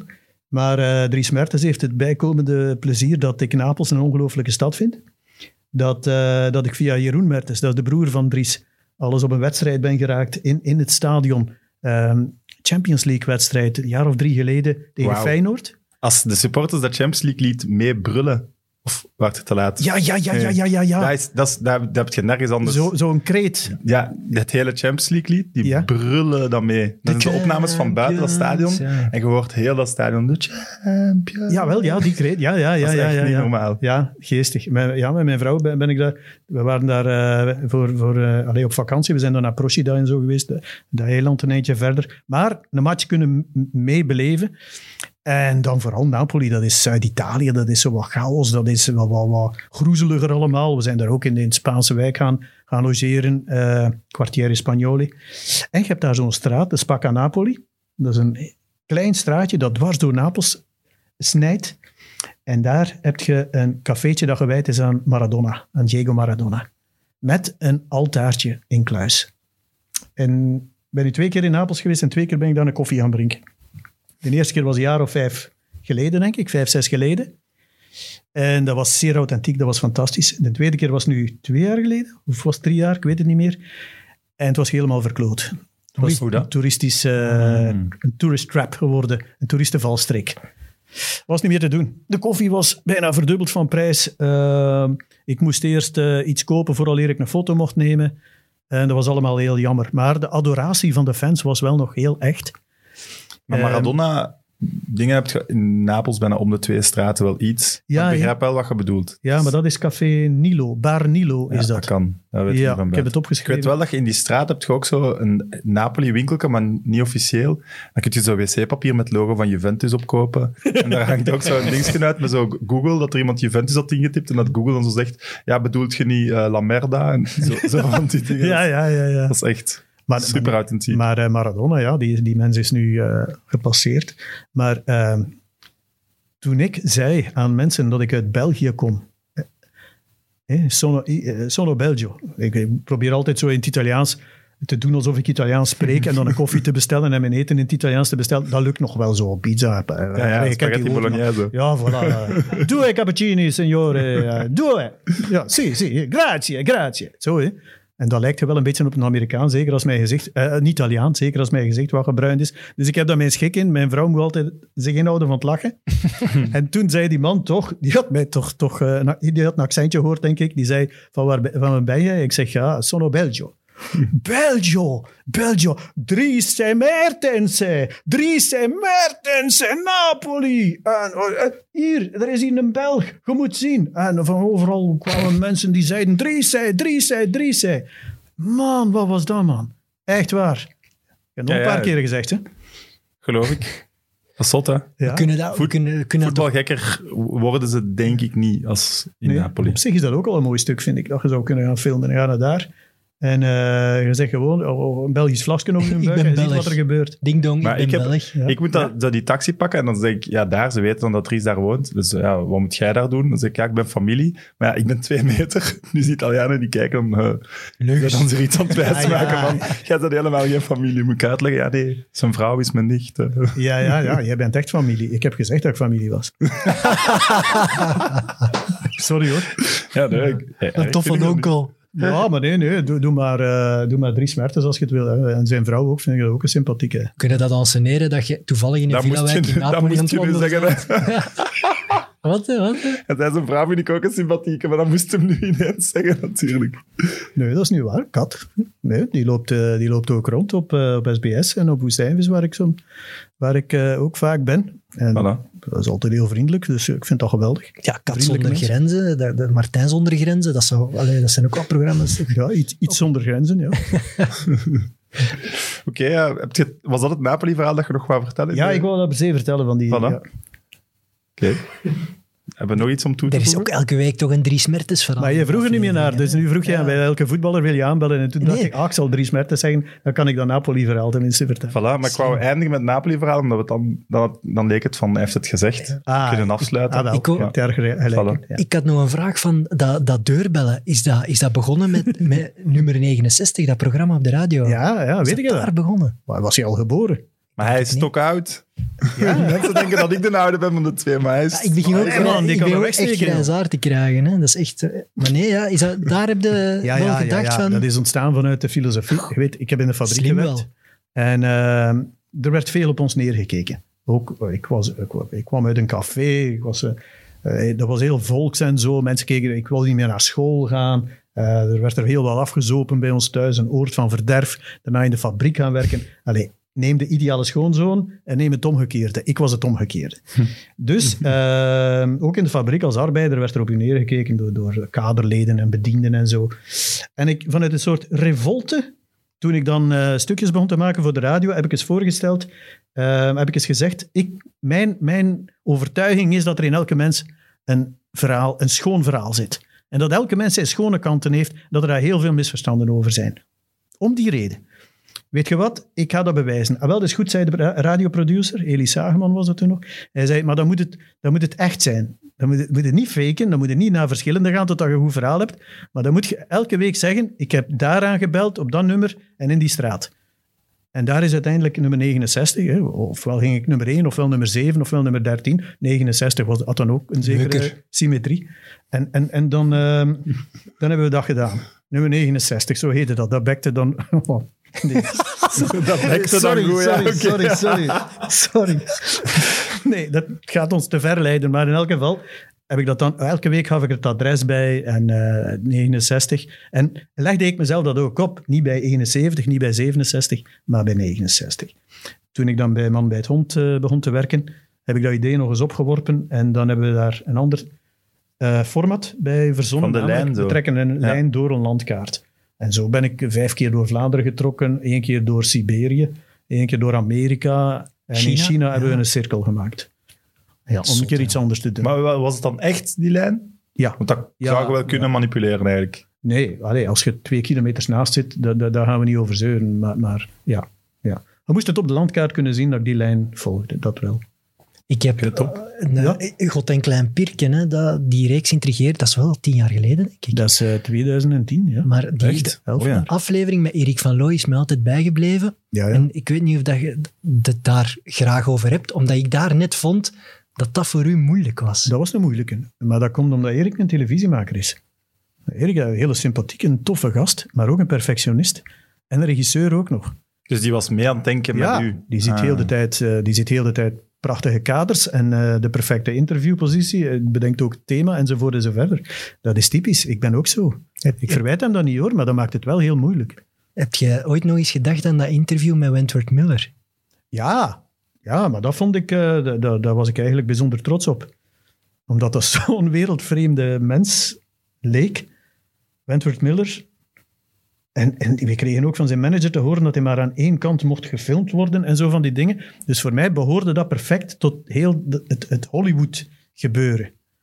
Maar je hebt daar een vraag over. Nee, ik, ik heb dat... Vaak niet. ik moet de vragen stellen, voor komen geen vragen. Ja, ik heb er nog Nee, aan teruggedacht. Die Hollywood-acteurs, dat, dat was toch... Om het met een modern jeugdwoord te zetten, wat cringe, die interviews. Die gasten, die waren... Die, wist- een jeugdwoord. Nu valt het op dat je ouder bent, Ja, denk ik. die mannen, die kennen Martijn Heijlen niet, die kennen dat principe niet. Die Nee, weten- nee. En, en jij had toch ook heel veel stress precies bij Maar ja, ik wou daar gewoon gesprek mee, maar, maar die mensen... Dat lukte niet. Nee, Die, die zat in zijn imago. Ja. En, en dat moest daarbij blijven ook. En ik zag hem twijfelen en ik zag zijn lip trillen. En, en ik, ik meende een emotie te ontwaren. Of te Eh, veel drugs. Ja, ik weet dat niet. Ja. Het is, het is een zeer speciale aflevering. En Mensen moeten die zeker eens terugkrijgen. Omdat ik dat een andere kant van u vond. Dat je zo met die Hollywoodsterren, dat was toch iets... ja, dat is toch het is ook een andere planeet, geloof me. Echt waar. Dat is... eh, ja, je krijgt daar zo geen contact mee. Dat zijn al acteurs en actrices. Ik vind acteurs en actrices al... eh, Dat is al moeilijker. de, de gave en het talent hebben en het métier hebben om zich anders voor te doen. het is een Eh, job, letterlijk. Ja, dat is hun job. En ik voel wel als, eh, als iemand echt is en authentiek. En ik had niet, bij die man had ik niet dat gevoel. En gaat- bij een aantal acteurs en actrices had ik dat niet. Je gaat er toch niet mee stoppen met dat soort programma's? Met eh, BV BV's en zo. En, Nee, met dat ja, gewoon aanbellen, menselijke verhalen brengen, je gaat daar nu toch niet mee ophouden. Ik weet dat niet. Kustboys 2, hè. Gaat zijn eigen niet maken, hè. Ja, die kusboys, maar daar heb ik, daar heb ik niet echt... eh, de- nee, dat is echt een, een, een teamwork. Dat is, ik draag daar niet de volle verantwoordelijkheid voor. Dat is nog iets anders. En dat deed echt wel eens deugd. Maar na die twintig jaar later had ik ergens gelezen dat dat misschien wel de laatste van dat soort reeksen kon zijn voor u. Misschien omdat, ehm, omdat de wereld veranderd is. Het is te zeggen, ehm, wat je nu uitzendt, krijgt een tweede leven op, eh, op, op online. Op het internet krijgt dat een tweede leven. Dat kan ook gemanipuleerd worden. Als ik hier nu, ehm, als ik mij nu rechtstel en ik, ik mors dat glas over mijn broek bijvoorbeeld, dan kan dat tot het einde van mijn dagen kan dat meegaan. Mensen kunnen daar een aanloopje naar doen. Kijk, eh, we hebben al lompen mensen meegemaakt. Hup, een lompen, nog een lompen. En dan, maar het summum was toch wel de deze hier. Je Of een stil mensen- en hij had in zijn broek geplast. ja, oké. Dat er dat ja, van maken. Volledig uit de context drukken, dat is allemaal mogelijk. En dat beseffen heel veel en al maar meer mensen. Dus de controle daarop is al maar groter. Hetzelfde met eh, programma's over BV's. Managers willen al maar meer greep op wat je maakt. En ergens snap ik dat. Een voetballer bijvoorbeeld wordt ook tegen zichzelf beschermd. Waarom? Als die vijf doelpunten maakt, dan is die ineens eh, eh, 1 miljoen meer waard en eh, strijkt zijn manager er ook nog eens zoveel procent van op. Dus je zou wel gek moeten zijn om te zeggen van doe maar, laat die mannen hier maar doen en eh, iedereen is van goede wil. Dus je kunt wel tot op zekere hoogte mensen blijven overtuigen dat je van goede wil bent, maar je kunt, allee, online kun je niks garanderen.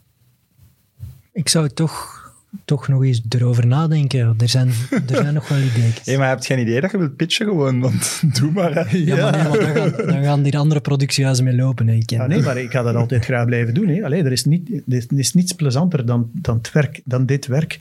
Dat is gewoon, je moet proberen geboeid te worden door je onderwerp. En het enige dat, mij, eh, dat ik soms moeilijk vond de laatste jaren is dat ik al zoveel gedaan heb, dat ik al zo'n schone dingen kunnen doen heb, dat ik mezelf begon af te vragen, maar wat kan er mij nu nog verrassen? En daardoor ben ik dan teruggegaan naar die twintig jaar later, omdat dat eigenlijk iets was dat ik al gedaan had. Maar die tijdsprong, dat kan mij verrassen. Versta je? Dus, dus het is niet omdat je al alles Zeker, gedaan ja, hebt, dat, dat 20 je niet door een andere benadering toch weer iets fris kunt doen. En zolang ik iets fris vind en, en er is interesse voor en iemand, iemand wil dat ik dat maak, dan zou ik dat graag blijven doen. En als dat niet zo is, ja jongens, dan, eh dan, dan Vissen. ik iets zeer lokaals of zo. Maar ik kan wel, be- zoals met die IJslandvissers bijvoorbeeld, dat gaat niet in de media komen. Maar dat is wel een fantastisch project om te maken. Als ik ja, met mensen omgaan. Ja, als ik dat kan blijven doen, heel graag. Ik had Als nog we binnen vijf jaar, met, met vijf jaar later... Met, met, met, hè, met ons drieën. Hè. Ja, maar dan komt je terug af. Eh, ik denk het, hè. Ja, maar dat weet ik niet. Binnen vijf jaar. De Kustboys 6. ik, Voilà, ik, heb daar mond enkele- toegemaakt. 1-1. voilà. Ik had nog, nog één ding over. Ja, sorry, maar ja, Sorry. we zijn nu toch over tijd aan het gaan. hè. Eén ding over Martijn zijn carrière dat mij altijd is blijven bijhangen als een van de eerste herinneringen. Dus ik ga het even nadoen en dan moet jij weten of dat je het nog herkent. Wat, iets dat ik gedaan heb? En uw stemmetje wordt stiller en stiller, dus je zet er zenuwachtig over. Nee, maar ik, ben, Dat wil de tekst juist zeggen. Dat is het probleem, want ik ben, dan, Sorry ben dat ik ik je het, onderbrak. Doe maar. ben ik het maar. mij wel goed aan te herinneren. Dat is wel altijd het gevaar. Hè? Het is iets dat ik en mijn broers al 20.000 keer heb terugbekeken. Dus Oké, eh, ga. Oké. meer. Vlaanderen mag terecht trots zijn op zijn boeren. Weet je dat? nog? Dat was hij Ah, nee. niet, Evert. Erik van Rompuy, alles kan beter. Oh god, een sketch die, die ik daar gespeeld heb. Eh, de persiflage van Erik van Rompuy, ik vond, dat vond ik briljant in tv. Ja, ja, ja, ja, en alles kan beter. Ja, man, maar daar hebben ze mij wel meer dingen in de mond gelegd. dat, eh, dat- ja, ja. Dat, dat kwam dan niet uit mezelf, maar eerder uit wat hele vreemde kokers van eh Jakke Elen en Mark Uitroeven. Olly Goris ook. Bart Matthijs en Christa Eersels, dat was die ploeg. Dat was, eh, dat was fantastisch om daar te mogen aan meewerken. Ja. Ik kan daar maar één ding zeggen. Fictie en zo, ik zou dat ook eigenlijk allemaal heel graag doen. Zo nieuwe dingen. Hè. Dat was de Dat allereerste keer dat ik Martijn Heijlen leerde kennen, denk ik. Dat was Alles kan beter. Als, als een fictieve figuur dan. ja, Ja, als een persie, als ergens beginnen. Hè? als een persie Ja. fleur van Erik van Rompuy. Kijk, kan slechter, hè? Oké, top. Zeg, zie ik nu dat wij 99 minuten en 47 joh. seconden bezig zijn? Ja. Moeten we niet naar de 100 aan gaan en dan... Oh ja. Eh, ja. We hebben nog iets van acht seconden. Nog zes. eh, Wanneer begint Kustboys? eh, vrijdag om kwart voor acht. Voilà. De klok is uitgespeeld. Eh, ik heb trouwens nog... Maar dat shirt, dat zijn we hier precies kwijt. Welk? Beerschot-shirt dat gewonnen is. Ah, oei. Dat ligt hier ergens. Geen zorgen. Nee, je moet niet gaan halen. Het is oké. Ik ga zeggen, Louis van Haverbeke heeft dat gewonnen. Dus hij moet ons op Instagram, @midmidpodcast, een berichtje sturen, adresgegevens, en dan kunnen wij dat opsturen. Evert, merci. Ik zie u Yes. volgende week terug, Graag. hopelijk. Martijn, dikke merci. Ja, jullie ook. Ik hoop dat het een beetje was wat je dacht dat ging zijn. Helemaal niet. Maar dat- daar was ik blij Daar om. hoopte ik ook op. Goed, aan de kijkers en luisteraars, tot volgende week. Mit Mit, de voetbalpodcast van Friends of Sports. Nu ook op PlaySports.